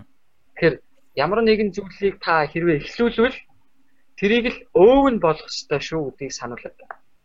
Зөв зөв. Хичээлээс гадуур та яаж сайн дураараа тэрийг бүр сэтгэл зүрхнээсээ дорлож бүр ингэж шатаж асаж тэр зүйлийг ингэж судлаад байгаа юм бэ. А энэ дээр таны хэр их их сургууль сураад байгаа юм бэ гэдэг тодорхойлогдно. Тэрүүгээрээ та өөрийгөө хинжээ гэсэн санаа одоо яг нэг концепт, нэг ойлголтыг ингэж хэлж ирсэн. Аа.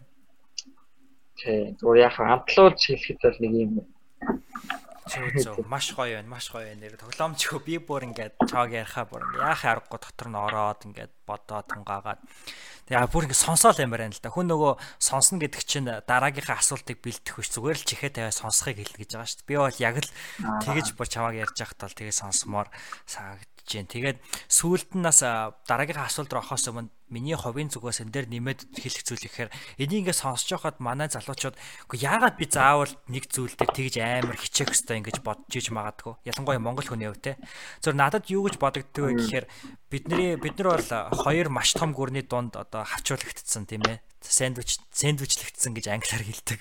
Тэгээд гэтэл бид нар амар цөөхөлээ. Тэгэхээр 3 сая л болохоор би зүгээр нэг монгол хүн ч хоошоо суух ямар ч ирэхгүй юм шиг санагдаад байдаг байхгүй юу? Ерөөсөл Монгол хүн хоошоо суух ямар ч ирэхгүй яагаад гэвэл бид нар маш цөөхөлтэй байна. А гэтэл бас биднэрт бол цөөхөн хүмүүс бол дэлхийг өөрчлөх хэмжээний зүйл хийж болох тэрхүү цаг үе мөч нь хүрээд ирсэн юм байна гэж их бод. Тэгээд тийм учраас бас хоошоо суулгүй үргэлж зүтгэж идэг андаа маш их баярлаа. За тэгээ хэдүүлээ дөрөвдүгээр асуулт руу орох уу те. Аа. За. За. За нами нами маань дөрөв дэх асуулт бол миний энэ 7 хоногт хийсэн зүйлс маань миний холын зорилготой хүрэхэд хэрхэн тусалсан бэ? Тэгэхээр энэ 7 хоногт хийсэн зүйлс тань энэ 7 хоног дараагийн амьд холын зорилготой хүрэхэд хэрхэн тусалсан бэ? Аа. Тийм бахана. За энэ дээр юу хэлмээр? Аа одоо нөгөө шинэ ажил шүү дээ тий. Аа. Шинэ ажлын тухай нэг ярмаар санагдчихэв. За тэгээ. Би бэлгүүнээ чамд хэлжсэн шүү дээ. 8 сарын сүүлээр за бэлгүүнээ хоёлаа энэ монголчуудад, монгол залуучуудад оюутнуудад сурагчдад нэг юм хэлмээр байна. Яг энэ эхэлж байгаа энэ процесс дор нэг нэг чухал юм яваад байна. Ер нь би энийг яг мэдрээд байна. Энэ ер нь маш тавт олоодаа татдаг гэдэг. Энэ айгүй чухал байт юм байна. Энийг ингээ хүмүүст айгүй мэдүүлчихсэн. Аа тэгэхгүй бол энэ дээр хүмүүс айгүй их алдаад байна. Бити бас алдаасаа гэд. Аа. Тэгээ энэ тухай би аа ерөөсөө ярих хэлэх цаг ерөөсөө тийм боломж ерөөсөө олтоогүй. Аа. Тэгээд яг чиний энэ подкастн дээр яг энэ уншиж байгаа яг энэ цөөхөн ч гэдэм үү олон ч гэдэм хамаагүй те яг энэ залуучуудад зориулаад бас мэдээд аваасаа яг энэ тухай ярих гэж бодсон. За. Би нөгөө шинэ ажилд орсон байгаа. Одоо би яг тэр концепцоо би одоо тэр концепцоо 2 жил туршаа явж байна. Тэгээд гэтээ тэрний эхний туршилтууд бол айл гэдэг 5 6 жилийн өмнө хэлсэн байсан. Тэгээд ингээд хэрэгжүүлэл яваал юм. Гэтээ хүнд хэлэхгүй өөрөө ингээд тестлээ яваад байгаа байхгүй юу? Тэгээ бас нэг тодорхой хэмжээнд энэ хүн чинь бас шеэр хийж явах хэрэгтэй байна. Тэг байлаа. Аа. Тий. Тэгээ энэ болохоор хоёрын тоотой теорем баггүй юу? За. Би энийг болохоор яг 3 хоногийн өмнө нэг найзтай хэлсэн. Тэгээд гэрлээ гэдэг. Тэгээ одоо утгагүй шинэ ажилд орох гэж байгаа. Тэгээ шинэ юунд ороод сэтгүүлчин. Тэгээд шинэ ажилд ороод яг миний хийсэн энэ теоремыг хэрэгжүүлнэ өвөө баяр болоод яасан бэ маа гэрлээ бас яаж ивэл сонсож байгаа баг. Тэгээ энэ айгүй ингийн. За. Альва бидний ингэ ш шинэ оюутан боддог 10 жил жил болгоо яадаг үлээ. Шинэ анги дэвшдэг штэ. Аа. Тэгээ бас шинэ ажилд бид яадаг үлээ. Ордог. Аа. Тэ? Тэгэхээр энэ болгонд шинэ юмны ямар нэгэн зүйлийн эхлэлээр бүр хатуу баримтлах бүр хууль бүр бүр хизээч мартах ёсгүй бүр даах ёстой бүр дүрм гэж байна. За. Гэтэ энэ нууц дүрм байгаад байгаа байхгүй. За. Тэгээ энэ дүрм юу вэ гэдэг ингэхээр тэгээ энэ болохоор сэтгэл судлалтай бас холбоотой. Тэгээ энэ habits судалж байгаа юм нь бас нэг энэ тий энэ дээр яг нөгөө нэг гарч ирээд байгаа концепцууд нь яг ингээд яг нөгөө концепц гэдэг би ингээд бүр ингээд яриа нундаа ингээд ашиглачаад энэ жоохон уучлаарай гадаад хэл хэлээд байгаа бол яг энэ үзэл баримтлал гэсэн үг шүү дээ концепт гэж чинь. Энэ дунд гарч ирж байгаа юм хоёрын тоо. За. За чи ингээд за чи төсөөлөе хоёлаа. За яа билгүнэ. За. За чи ямар байгууллагт ямар компанид ер нь цааш цааштай орж ажиллах гэж боддیں۔ Өрөөдтэй. За бүр багын мөрөөдөл гэвэл нэгдсэн үндэстэй байгуулах штэ. За хоёлаа одоо яг энийг авъя. За хоёлаа тэгвэл нэгдсэн үндэстэй байгууллагт ажиллаж орж ийн гэж бодъё те. За. Окей те.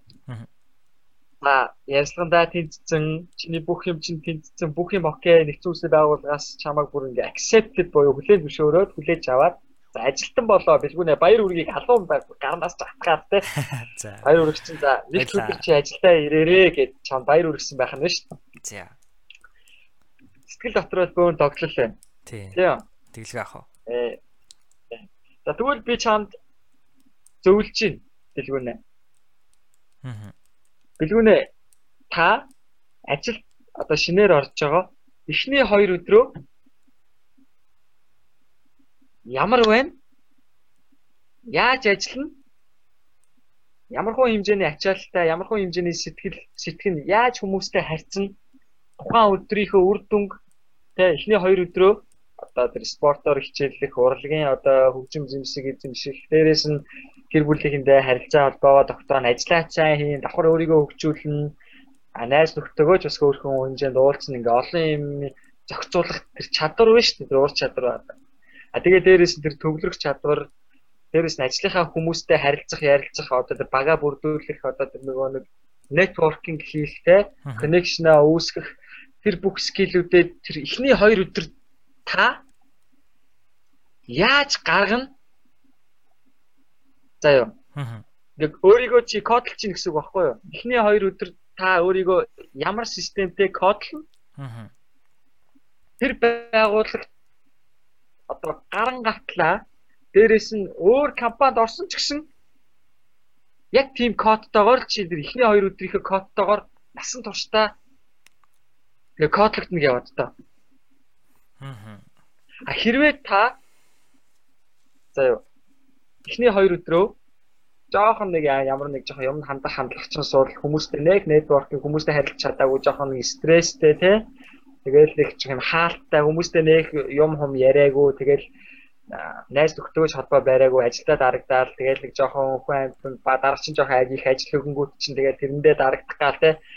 Тэгэл жоохон оройд жунтаал гэдэг юм уу цагаа зохицуулж чадахгүй тэгэл нэг юм ингээ бухимдаал өө бүх юм нь талан задгаан ингээл учир нь олохгүй нэг юм нэг байна штэ те.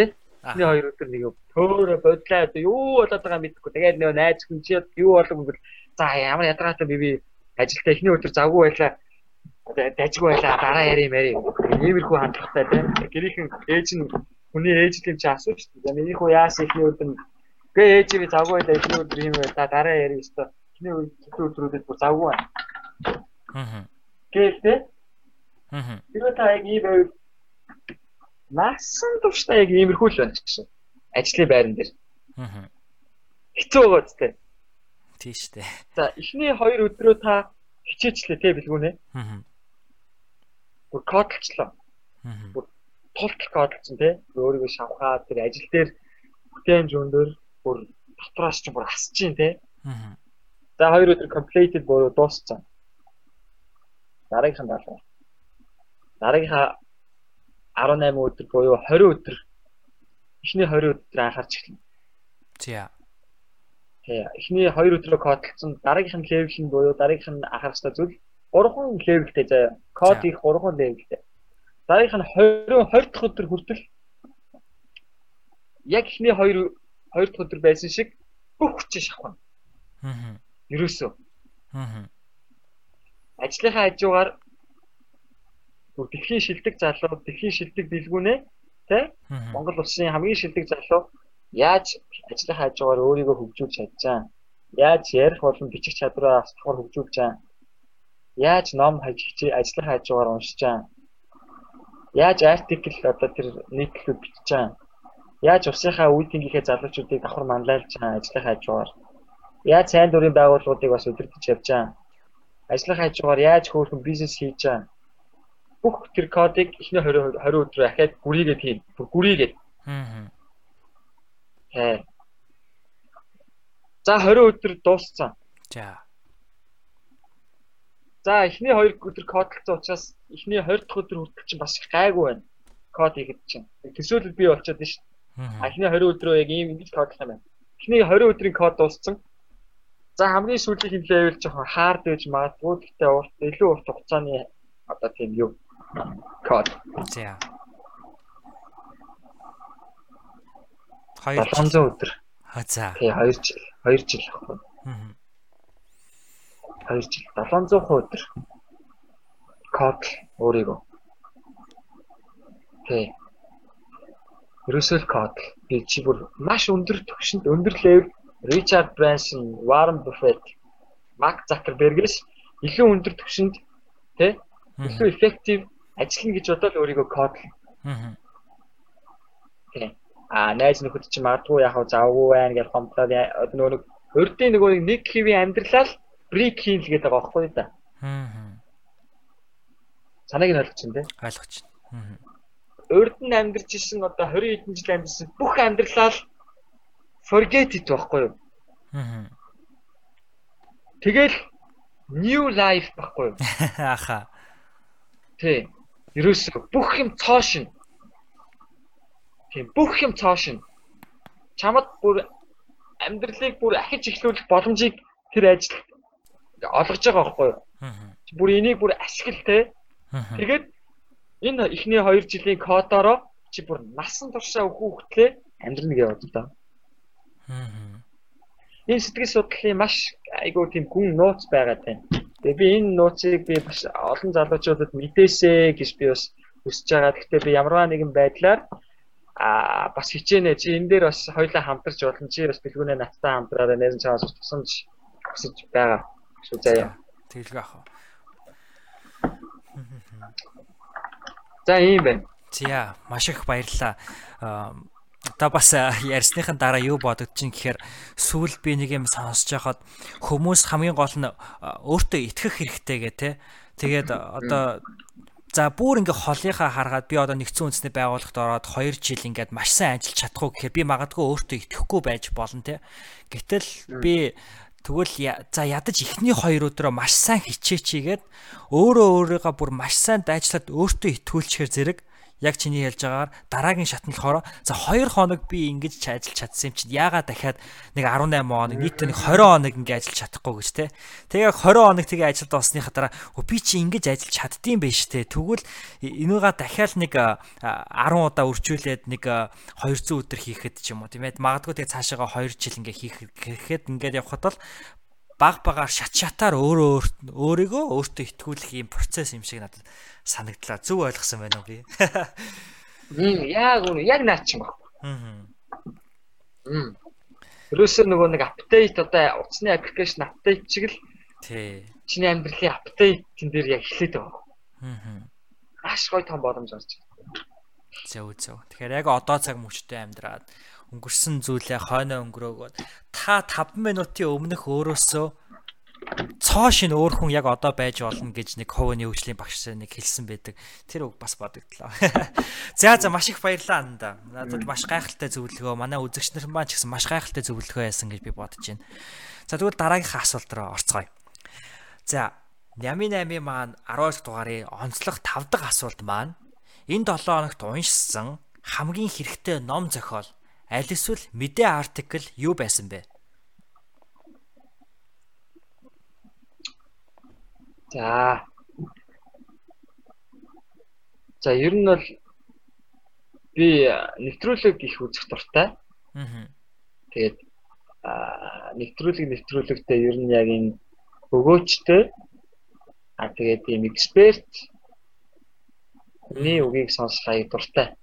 Яа тэгэхээр маш олон юм ингээд хийгээд ард нь гараад мэдрээд үзсэн хүний яриа угаасаа ондоо байдаг байхгүй. Тэгэлгүй яах вэ? Үгнийх нь их шиг бүр нь угаасаа амар үнцэнтэй байдаг. Тэгээд аа сүүлийн үед тэр бизнес үргийг их үзэж байгаа. Тэр нөө Bloomberg-ийг үзэж байгаа. Аха. Эйгөө NTV-гийн Аа за. болор чимгийн хөтөлдөг. Аа за. Э ер нь бизнесийн хувийн хөгжлийн сэдвийн юмнуудыг аяг үздэг. За тэгээ энэ 7 хоногт болохоор энэ нэг Франц нэвтрүүлэг байдیں۔ За. А би яд жаргалтай болохоор шийдсэн гэдэг нэртэй нэг нэвтрүүлэг багхгүй юу. За. Тэгээд. Тэгээд нөө сэтгэл судлалынхаа салбарыг л амьдаа хөгжүүлээд байгаа нэг хэлбэр нь бас тэгж илэрч байгаа. Аа. Тэгээд Харвардын яг энэ нөө тарих судлалын нэг багш шийдэг Франц хүн тэр нэвтрүүлгийг бэлддэг байхгүй юу. Тэгээд тэрийг үзсэн юм байна. Тэр болгоноос аягүй байж. Би ер нь аягүй их сонсох их дуртай. Тэг. Тэгээд бид нарт тэгвэл тэ нэвтрүүлгээс амлуулах зүйл нь юу вэ? Тэг би ер нь бол альва мэдээллийг ер нь хүмүүс ингэдэг шээ заавал ном унших хэрэгтэй, ном унших хэрэгтэй гэдээ ингээд идэг шээ те. Би тэрнтэй нэх айхтай санал нийлдэггүй. Ягаад үг гэхээр зүгээр ном унших хэрэгтэй гэдэг байгаа энэ одоо зөвлөгөө ч юм уу хаанаас гарч ирээд байна гэхээр бидний илүү өмнөх одоо үеийнхнаас ирж байгаа те. Өмнөх үеийнхнээ бодоод үзэх юм бол яхаа аргагүй мэдээлэл одоо хүртэх тэрхүү зүйл нь бол ном унших цорын ганц ч юм уу ер нь цөөхөн одоо арга замуудах нэг байсан те. Гэтэл хүн зөвхөн уншиж биш сонсож сурдаг бас одоо харж сурдаг тийм ээ visually сурдаг хүмүүс байна. Listening буюу сонсохоороо сурдаг хүн байна. Бас уншиж сурдаг ч хүн байна. За зарим тохиолдолд ялангуяа хүн болгон бол заавал хийж ээж тийм ээ биеэрээ хийж ээж ойлгож сурдаг хүн байна тэгэхээр бас өөрийнхоос яг яаж сурдгийг эхлээд тодорхойлчих хэрэгтэй болов гэж би боддیں۔ Тэгэхээр заавал номыг өнөөдөр бид уншихаар бүгд сонсож олно шүү дээ. Тэгэхээр би энэ бол илүү сонсох дуртай. Сонсож сурдаг юм санагдаг миний хувьд. Тий. Оо, ямар гоё юм. Яг чам, руу эргээд ороход а нөгөө яг тэр нөгөө нэг энэ үтсэн нэвтрүүлгээс амтлуулах зүйл нь юу вэ? Манай сонсогч нарт. Амтлуулах нэг зүйл, чимх зүйл нь ч гэдэг юм. Аа. Бизнес үүрэг нэвтрүүлэг дээр гарсан байхгүй? Аа. За энэ дээр аюу тавч байгаа хоёрхан зүйл бол. Бизнес өөрөг нэвтрүүлэг дээр гарсан тэр зүйл нь юу вэ гэхээр идеал залуу хүн гэж ямар хүнийг хэлэх вэ гэсэн баггүй.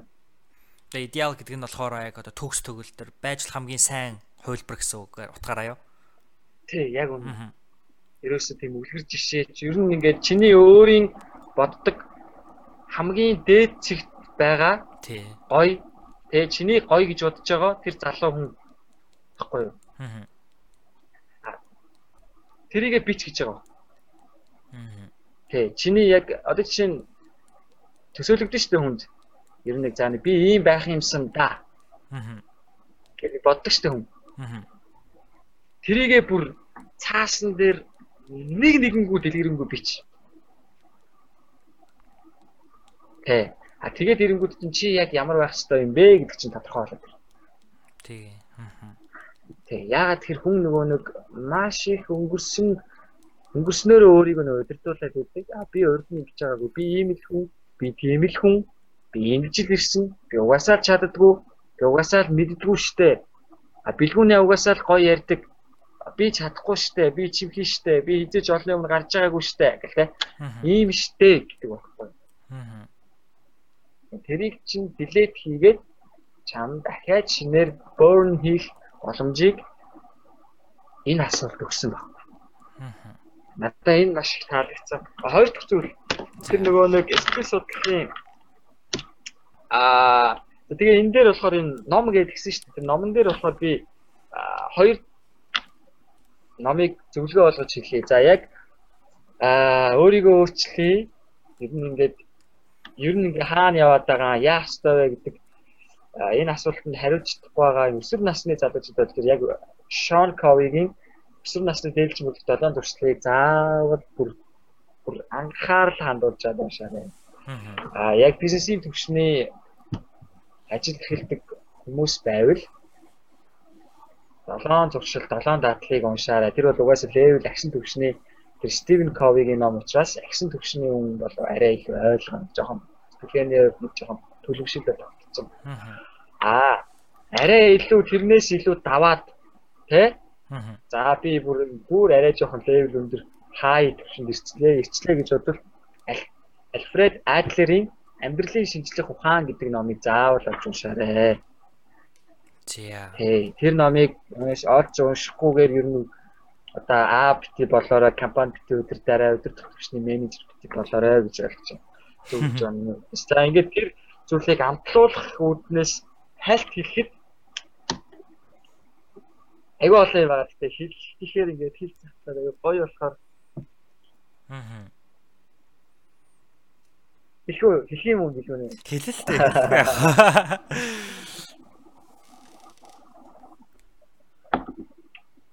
Яг өөрөө өөрийгөө чинь чи хэдтэй хэлэх билүү нэ?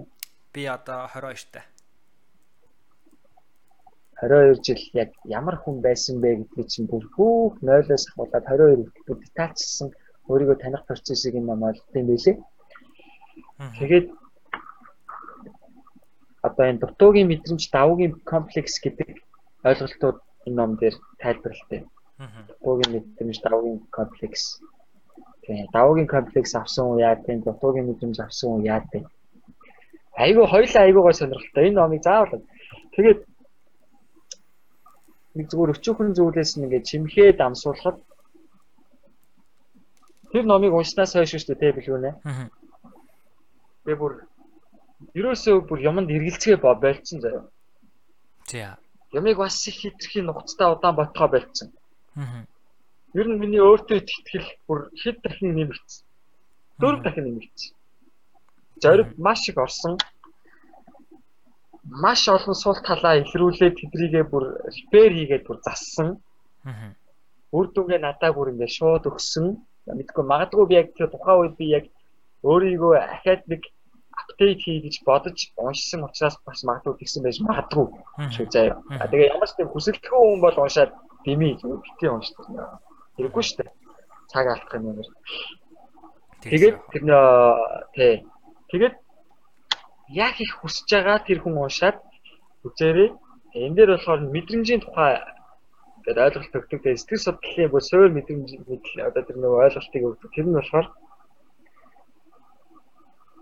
та өнөөдөр одоо ингэдэм байна. Дэлгүүнэ гэдэг хүн багтаа яг ямар мэдрэмж авч өссөн бэ? Одоо аав чинь чамайг итгэх загнадаг байлаа шүү дээ. За. Тэгээ чи ингээ өөрийгөө илэрхийлж чадахгүй нэг жоохон юм юм хаалттай байга болоод ингээ багтаа нэг хаалттай мэдрэмжүүдийг аягүй их авчлаа шүү дээ, тий? Тэр мэдрэмж чинь нөгөө нэг бүх доод тухамсар гэж юм байгаа даа шүү дээ сэтгэл судлалын хэлээр. Тий, даалт тухамсар ч гэдэг юм уу, тий? Subconscious mind. Тий. Тий. Тэр доод тухамсарт очиод хадгалагдж сэвлэгдээд хадгалагдчих. Тэр нь хизээ буцаж гардаг вэ гэхээр 10 жилийн дараа 10 хэдэн жилийн дараа буцаж гардаг юм байна. Нэг орсон мэдрэмж. За. Нэг сэтгэлд орсон мэдрэмж. Ойлгож байна тий? Аа.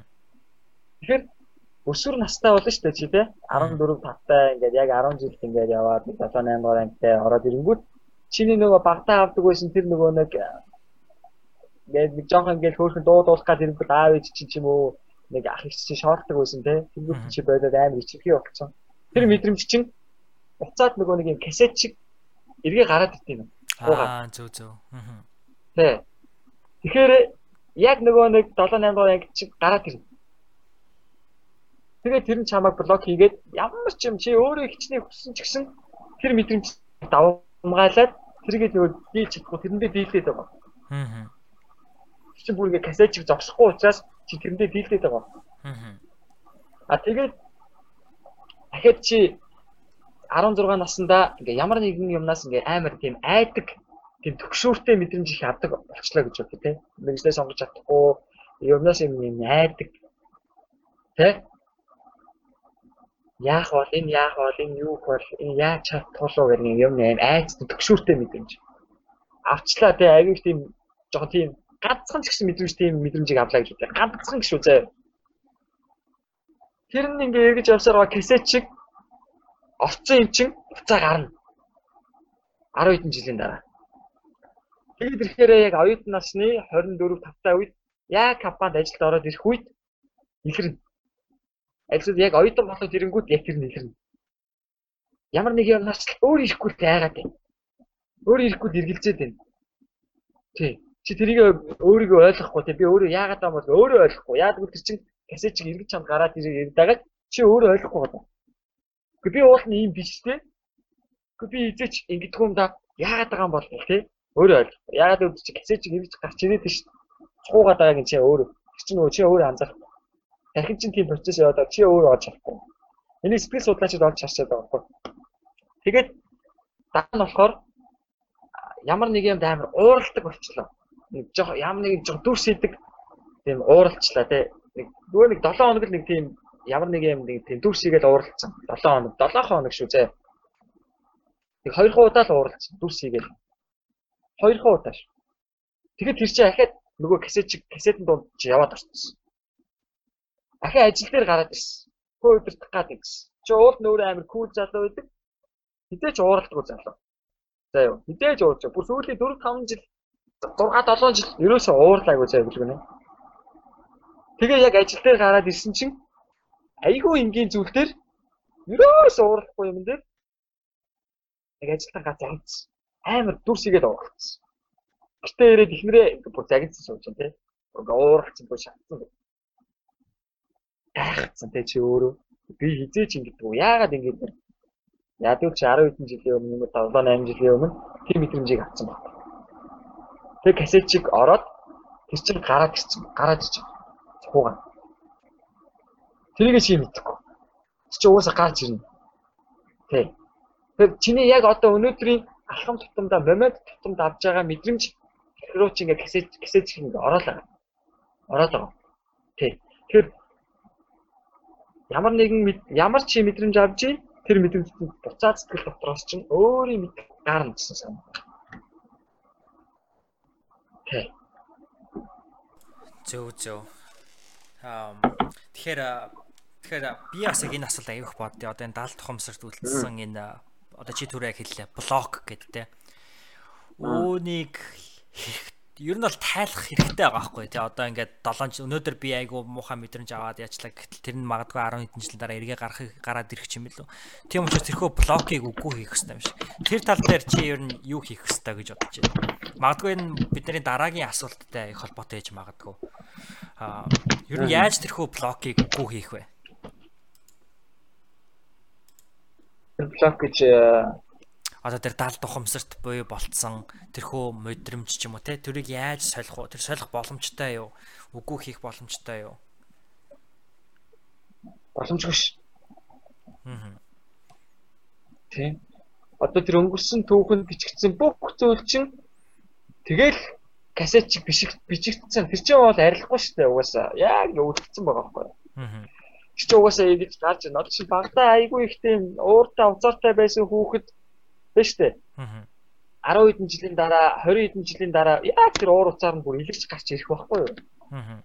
Тэ. Энэ бол бүр ингээ хууль аа юм ингээ ямархан эргэлзчихэд байдаг хүн бол тэгэл 10 хэдэн жилийн дараа ингээ юм амархан эргэлзчихэд байдаг ингээ хүн бол. Тийм учраас нөгөө монголчууд хэлээд тааш. Удмын хараа гэдэг. Хүнтээс.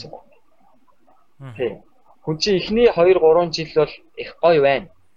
Яг нөгөө нэг авсан мэдрэмж хэдэн жилийн өмнө багтаа ч юм уу авсан мэдрэмжүүд нь тэгэл урт удаан хугацааны туршид яг тэр нь илэрч гарч ирэх байхгүй.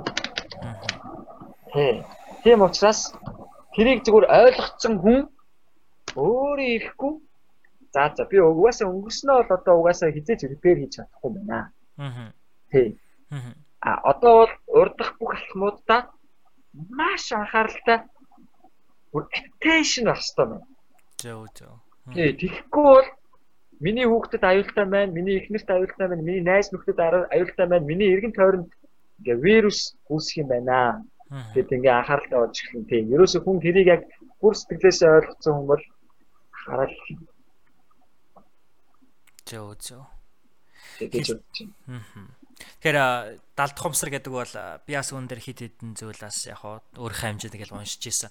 Байн одоо бодож байгаа бодол, сонсож байгаа зүйл, үзэж байгаа одоо тэр зүйл, хардсан зүйл тийм ээ сонссон, мэдэрсэн энэ бүхнийг бол ингээл далд тохомсор байнгын бичиж авч идэг гэх тээ. Тэгэхээр бид нар бол одоо чиний хэлж байгаа маш анхааралтайгаар юу бодож гин, юу тунгааж гин, юу үйлдэж гин тэрхүү зүйлээ бас бод ер нь бол бодолтой байх хэрэгтэй гэсэн үг юм байна шүү дээ тийм ээ. Угаасаа бас нэмэгдээд бичигдэх зүйлс учраас яг энэ мөчч ээ.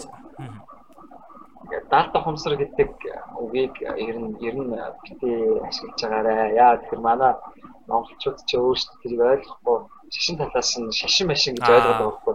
Тэгээ айгүй олон хүнд ингээд тайлбарлах гэхээр тэр хүмүүс ойлгохгүй. Яа тэгэхээр хүлээж авахгүй. Тэр шашин дата хумсар гэдгийг ойлгохгүй. Яг тийм. Уул нь шизлофаны хиллэг байдаг. Би сүүлдээ кисет гэж хэлдэг болсон шүү дээ. Тэр хүн арай илүү аа гэдэг байхгүй. Аа. Манайхан ч нэг иймэрхүү байгаад тэгэхээр энэ шашны юм яриад энэ ухааны барыг ойлгоод яг ахгүй яг энгийн хүн хэлэхдээ аа яг тэр одоо салбарын мэдлэгтэй хүн бол аа шууд хүлээж авч чаа тий. Тий, тий. За за. Баярлаа. Тэгээ бодож санаж явнаа. Би ер нь тий ихэнх чинь 70 хумсар гэж ярьдаг. Чамааг яг доод хумсар гэж хэлэхэд бол а яг бодож байгаа юу илээгээд аль юу яриад байгаа илээгээд. Тий яг тийм юм байна. Нэрэ тийм шүү. Би уус нөгөө багтаа яг 70 хумсрын номнууд гэдэг ингээд уншдаг гэхээр намайг айгу шашинтлаг юм уншаад ид юм уу гэдээ ойлгоод идэг байсан. Аа яг тийм байна. Тий. За за. За ингээд хэдүүлээ дараагийн асуулт руу орцгоох уу. За, Ями Нави маань За ер нь бол нэлээд эцрүүгээ орж байна. 6 дахь асуулт маань энэ 7 хоногт тогтмол үйлдэлсэн хамгийн зөв зуршил маань юу байв? За тэгэхээр анд ба нэлээд зуршлын талаар ярьлаа. Тэгвэл чиний 7 хоногт хамгийн их үйлдэлсэн нэг зөв зуршилтай нь юу байв бэ?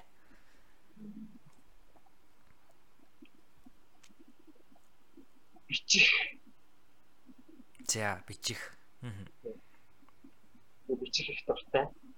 Аа маш дуртай. Тэгээд би өдөр болгонд нэг тогтсон цагт аа гэтээ чи миний тэр тогтсон цагийг яг өнөөдөр эвчлээ устгачлаа. Аа яг тэгсэн баг тий. Би яг асуучихлаа. Яг асуучлаа хизээ хизээ бичдэг гэдэг. Аа. Тий. Яг нэг тогтсон цагт орой болгон алхасгүйгээр орой болгон тий бичдэг уламжлалтай. Тэрийгээ бол одоо 4 жил хийж. Зөө зөө. 4 жил арай болсон чинь. Хэдэн минут бичгөө дараагаар. Миний мэдрэмж өнөөдөр авсан тэр яг мэдрэмж авсан ойлгосон зүйл яг тухайн өдрөөсөө хам. Аа. Яг огтон цаг гэж байхгүй. Тэгээ өдөр болгон бичнэ. Тэгээ докнод ойлгомжтой 20 минут тэрнээс дэше. Аа Зөв зөв. Ер нь ингээд бас харж байхад их амжилттай яваа хүмүүсийн нэг айгүй өргөн зуршил бол бичих байд юм байлаа. Тэгээд Team Ferris гэд миний их одоо сонсдог хүн байдаг. Тэр болохоор өглөө болгоод 5 minute journal гэх 5 минут бол бичдэг. Тэгээ юу бичдэг вэ гэхээр ерөөсө өглөөс ирчээд толгойд юу орж ирчээ тэрийг ингээд зүгээр бичдэг гэж байгаа байхгүй юу? Чиний хувьд team өглөө ер нь хэр бичдэг вэ? Өглөө өдөр ер нь өглөөгөө эхлүүлэхдээ ямар зуршлууд байх вэ?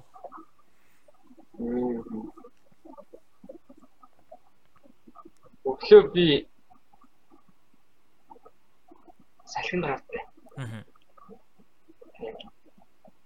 Яа би салхи аюу гоё хүүтэн салхи амар гоё юм. Аюу гоё.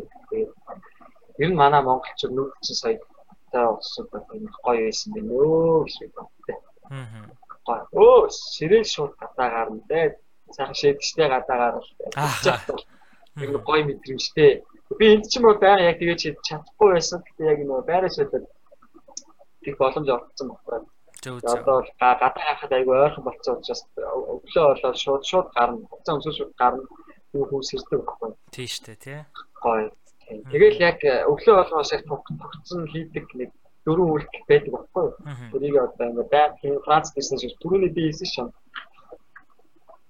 код техно гэдэг. Тэр кодыг чи би өглөө болон кодлайт захгүй. Аа. Тэр кодод дөрвөн код хийн. Тэгээд тэрний гэтээ биний тэр нөгөө сахилах бол тэр zero код байхгүй байн бол хийн.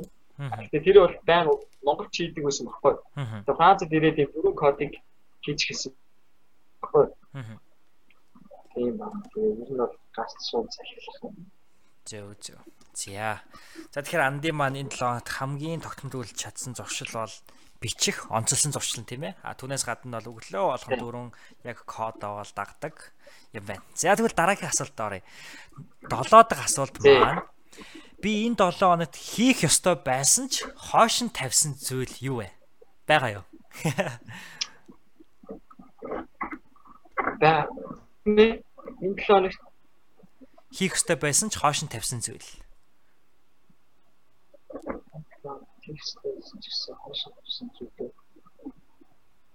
Бага мэн бага бага. Бага штэ юу бага бага. Ер нь хүн болгонд л байдаг бах те. Бага бага болгонд би би нэг юм яг яг юу гэдэг лээ яхаа тэгэхээр би яг нэг юм бичин нэгээд өө энэ 7 хоногт амлцсан байсан. Би өнөөдөр хийх хэрэгтэй гэж амлаж ирсэн байхгүй. Тэгээ би өнөөдөр нөгөө шинэ ажлын ажиллагаа удаад тий. Аа. Чи өдөр орой болсон 10 хүртэл 10 биш 9 хүртэл яга наашаа 10 хүртэл гэсэн багтаа. Тэрийг зэрэг чатаа. Тэгээд нэг юм бичин гэж би бодчихсон багтаа. Тэгэхээр айгүй чухал юм байсан багтаа. Тэр нь баг 2 цаг үргэлжлэхэд юм бичин гэж бодчихсон. Тэгээ ер нь цааш цааштай хөдөлгөөнүүдтэй бүр уялдаа холбоотой гоё юм байсан. Тэгээ тэр бичин гэж бодсон чадаа. Тэгэхээр би маргааш хөдөлгөөн ингээд планет болсон болохоор би тэг чадахгүй. Тэгэхээр тэндээ юм харамсаад. Хм. Зөв зөв чадаагүй. А би яагаад яг энэ асуултыг асууж байгаа гэхээр асуугаар шийдсэн бэ гэхээр 12 дугаар сарыг ер нь ажиллаа хойшлуулахгүй 12 дугаар сар болгоё гэж уриалсан байгаа. Тэгээ яагаад би зүгээр 12 дугаар сарыг тэгж уриалахад зөв гэж бодсон бэ гэхээр яг энэ одоо нэг юм жилийн нэг юм цаг уу яахгүй те. За тэгээд за ер нь энэ 17 он шир нэг яах вэ л өнгөрлөө. Одоо нэг 18 он гарахаар алаа айнаач гэх юм уу те. Ингээд 18 он хүртэл одоо өнөөдөр 20 хоног байлаа, 21 хоног дутуу байлаа гэж тахад 21 хоног тэгээ юу ч хийхгүй ингээд ямиг хоошлоод байх зүв үү. Гэтэл өнөөдөр нэг өдөр гэдэг өөрөө ямар үнцэнтэй зүйл лээ. Тийм учраас бас энэ асуултыг асууж байгаа шалтгаан нь бол тэр юм байгаа юм шүү. Хэдүүлээ бас хүмүүст ажлаа хоошлуулах бол бас сул талтай юм учраас аль бол хоошлохгүй байхыг бас уриалж энэхүү асуултыг асуусан байгаа.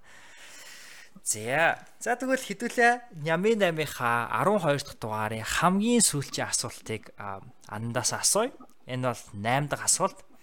А дараа 7 хоногийн өөртөө захиж хэлэх үгс. За хамгийн сүүлийн юм байна шүү дээ. Тий. Аа.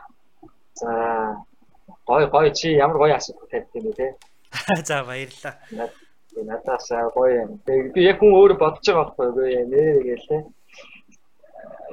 Яг өчигдрөөрөө бичсэн зөвлөндөө би одоо хажууд л ингэ дэлгээ тавьцал байлтай гэж дэвтрээ. Аа. Тэгээ энэ дээр өчигдөр болохоор ингээд ганцаар бичсэн байна. Тэгээ энэ дээр болохоор тагих гэж бичсэн байна л та. Аа. Энэ нь болохоор монгол хэл рүү орчуулах юм бол хүмүүсийг гэж марцсан зүйл ярьж гоё инээлэг гэсэн байна л та. Аа Тий. Тэгээд энэ болохоор нөгөө нэг бас нөгөө кодтой холбоотой.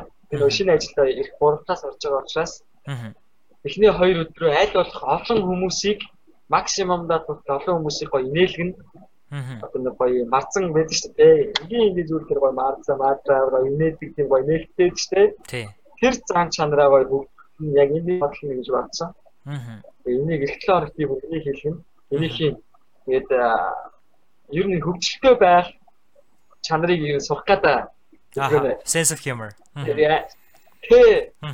Ер нь ингээд аягүй тийм гоё яадтай нэг жоохон тийм нэг яа хүнийг хаяач гэсэн заримдаа хийсэн байдлаа тий.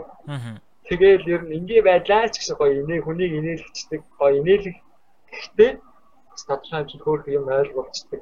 Тийм чанарыг сурах гэдэг би чадахгүй л дээ. Гэхдээ сурмаар байгаа байхгүй юу? Яа тэгэхээр энэ амьдрал ингийн өдөр тутмын юм хүн чинь нөгөө нэг шууд хэлэхээр ингээд хүлээж авахгүй байгаа байхгүй юу? Ойлгож байна. Чи чи би чамтай бэлгүүнээ өглөө болгон сэр гээ хэлэх нэг өөр те. Инээдэмтэй хүчтэй байлаа чамааг инээлгээд те. Хэлэх бас нэг өөр байгаа. Тэгэл байх. Ямар ч хүн инээх амар дуртай байгаа байхгүй. Тэгээд энэ чанарыг сурыг тий суралцъя чадахгүй би тийм болохоор суралцъя Тэгээд эхний хоёр код маань ийм байх болно. Тэгээд цаашдынхаа дараагийн 20 оны маань бас яг тийм байх болно. Ер нь цааш цаашдаа бүх насан турштай юм гоё мартсан чанарыг тэгээ бас амар гоё хавчуург болгоод сурна. Тэгээ цааш цаашдаа ямар ч байгуулт ямар ч үедээ уулзсан гоё нээлгчтэй гоё ингээд аа гоё ажиллаад гоё тий хамт байхад гоё хүн байдаг шүү дээ гоё нэгээд байдаг тий. Таймаас амдаад идэв. Тийм юм байж гэж үзээд Тийм юм байна. За үзөө. Магадгүй Анандын олон найзуудаас нь чи яагаад Анандтай найзалдаг вэ гэхээр маш олон зүйлд хэлж магадгүй те. Ананд бол одоо өөрийнхөө бидлэгийг хуваалцдаг. Ананд биднэрт маш гоё энерги өгдөг гэл ингээл янз бүрийн зүйл хэлж болно. Гэтэл эцсийн эцэстээ тэр хүн ингээ хэлэх юм дуусчаад ингээд би дахиад нэг асуувал за мэдгүй юм да магадгүй Анандтай зүгээр л нэг өрөөнд хамт ингээл сууж явах гоё идэг штэ гэж хэлдэг баг. Тэгээд улам ингээд нанд маань яг энэ хүү хүнийг инээлгэх энэ хүү зан чанар энэ хүү чадвараа хөгжүүлээд явхаар маш олон хүмүүс андтай хамт нэг өрөөнд байхыг хүсэх байх гэж би бас бодож जैन. Тэгээ бас тэгж ерөөй. Тэгээд бод яг энэ хүү босгон дээр нь бол бид нэр ингээд хамт байгаа юм байна тийм ээ. Марзан анандын Франц анандын маань одоо Марзан ананд болох энэ хүү яг энэ хүү цаг үе дээр нь бид нэр андтайгаа болцож уулзаж золгосон юм байна. Тэгээд туйлын их баяртай байна. За тэгээд өөрийнхөө нөхөө маш амьдралын гайхалтай түүхийг хуваалцаж миний бэлдсэн өчөөхөн 8 асуултанд чин сэтгэлээс хариулт өгсөн андаа маш их баярлалаа. За баярлалаа бэлгүүнээ. Тэгээ би бас чамд амар гоё юм хэлмээр байна. Яа тэгэхээр энэ айгу буянтай гоё ажиллахгүй нөгөө эцэг нэг буянтай ажилтаа гэдэг шиг заяа. Гэр гоё байхгүй. Яа тэгэхээр чи намайг олдсож байгаа хүмүүсийг айгу бодуулж байгаа байхгүй. Аа. Тий. Магадгүй хизээч амьдралдаа өмнө бодож байгаагүй тэр зүйлийг бодох боломжийг чи өгөөд байгаа байхгүй. За баярлалаа тэгж хэлсэн бол тэгээ магад тий тэгээ магадгүй аль мартагдсан ч үгүй юм мартсан тэр зүйлийг нь сануулж чинь тий. Аа. Аль ахаад аль эсвэл зорилгыг сануулж чинь тэр хүний тий. Аа. Ямар ч байсан тэр хүн гой мэдрэмжийг өгч байгаа байхгүй юу? Чиний зүгээс чи өөрөө бол тэрийг өгөхгүй байж магадгүй. Тэгэхээр таа чи гой мэдрэмж өгч байгаа. Тэр хүнд бол амар гой сэтгэл өгч байгаа. А тэгээд дээрэс нь чамаа сайн чанар олж харж чинь яа юу вэ гэхээр хуваалцж байгаа байхгүй юу? Монголын нийгэмд манайхан ч нөгөө нэг ер нь хуваалцах тэнхий чинь аа энэ өнгөрөө ч бардам энэний чадвар нэмдээд байгаа юм байгаа бэлгүүнээ юм олон те гэдгээ байгаа үз гэдэг юм иймэрхүү юмнууд цаас цааш нь зүгээр тааралтай заяа гэдэг үнэ. Ингээ олон юм хийгээд их юм ингээ бүтээгээ явахад. Тэгээ ер нь хуваалцах чадвар гэдэг чинь аюул чухал гэдэг юм шиг гэлээ магадгүй мянган хүнээс нэг нь тэ? Мянган хүн чиптэрийн подкастыг сонсоод нэгэн хүн чиптэрийн подкастыг сонсоод гашиг дүрлцээд маш их ирчвч урам аваад амьдралдаа өөрчлөлтийг үүсэхгүй байхгүй юу? Тэр хүний тэр нэг хүнд л зориулж чи бид хоёр яг өнөөдрийн алтан цаг энерги сэтгэл зүрхээ боёо нэг хүн хүний төлөө. Тэрийг л юусоо ойлгож а мянган хүн сонсоод юу ч ойлгохгүй моогоос ч хамаа байх. Ерөөсөө. Яг энэ нэг хүн гал шиг дүрзээ дассан бол чи бид хоёр яг өнөөдөр байг хамт ярилцсны зорилго ингээд ингээд байгаа. Тийм учраас цааш цаашдаа ер нь хуваалцах одоо энэ чанарыг улам гой хөгжүүлж яваарэ. Энэ бол аюул сайн чанар чам байж шүү. Хол хүргэх чанар байж шүү гэдэг чам хэлмээр байна. За маш их хандтаа маш их баярлаа. Тэгээд бит хоёрын зориг маань биелэх болтугай гэж итгэж байна. За ингээд андтаа баярлаа. Мөн манай Ями 8 маань сонссон нийт үзэгч сонсогч нартай бол бүгдөө нь чин сэтгэлийн бас талархлыг илэрхийлье. Тэгээ хідүүлээ дараа 7 хоногт эргээд Нямэ 8-ийнхаа 13 дугаар дугаараар уулзцгаая. Баярлаа. Баяртай ананда. За баяртай. За За ингээд та бүхэнд маань Ями 8 маань 12 дахь дугаар таалагдсан гэдэгт итгэж байна. Та бүхэн маань хэрвээ Анандтай холбогдохыг хүсэж байвал Ананд Роны гэдэг Facebook хаяраа ороод түүнтэй мэдчилж сайн уу гэж хэлээрэй. За тэгээд сүүлд нь хэлэхэд бол энэхүү 12 дугаар сарыг Ями 8 podcast нэвтрүүлгийн ард байгаа залуус бидний зүгээс 12 дугаар сарыг ажлаа хошлохгүй 12 сар болгоцгоё гэж уриалж байгаа илээ. Иймийн учраас саяхан яг анандаасаа асуусан 8 асуултыг та бүхэндээ өргөн барьж байгаа. Энэхүү 8 асуултыг ням гарагийн эцэс бүрт та бүхэн өөртөөсөө асууж Хэрвээ үнэхээр боломжтой бол заавал хариултаа бид бүхэнтэй хуваалцаарай гэж би хүсэж байгаа юм. Инхийн тулд хариултуудаа бичээд #nyami8 гэж бичээд Facebook дээр ч юм уу оруулаарай. Бид бүхэн тэрхүү артиклийг чинь олж хараад та бүхний тань 7 хоног маань ямар гайхалтай өнгөрснийг харах болно. Баярлалаа та бүхэндээ. Эргээд бодохгүй уулзцгаая.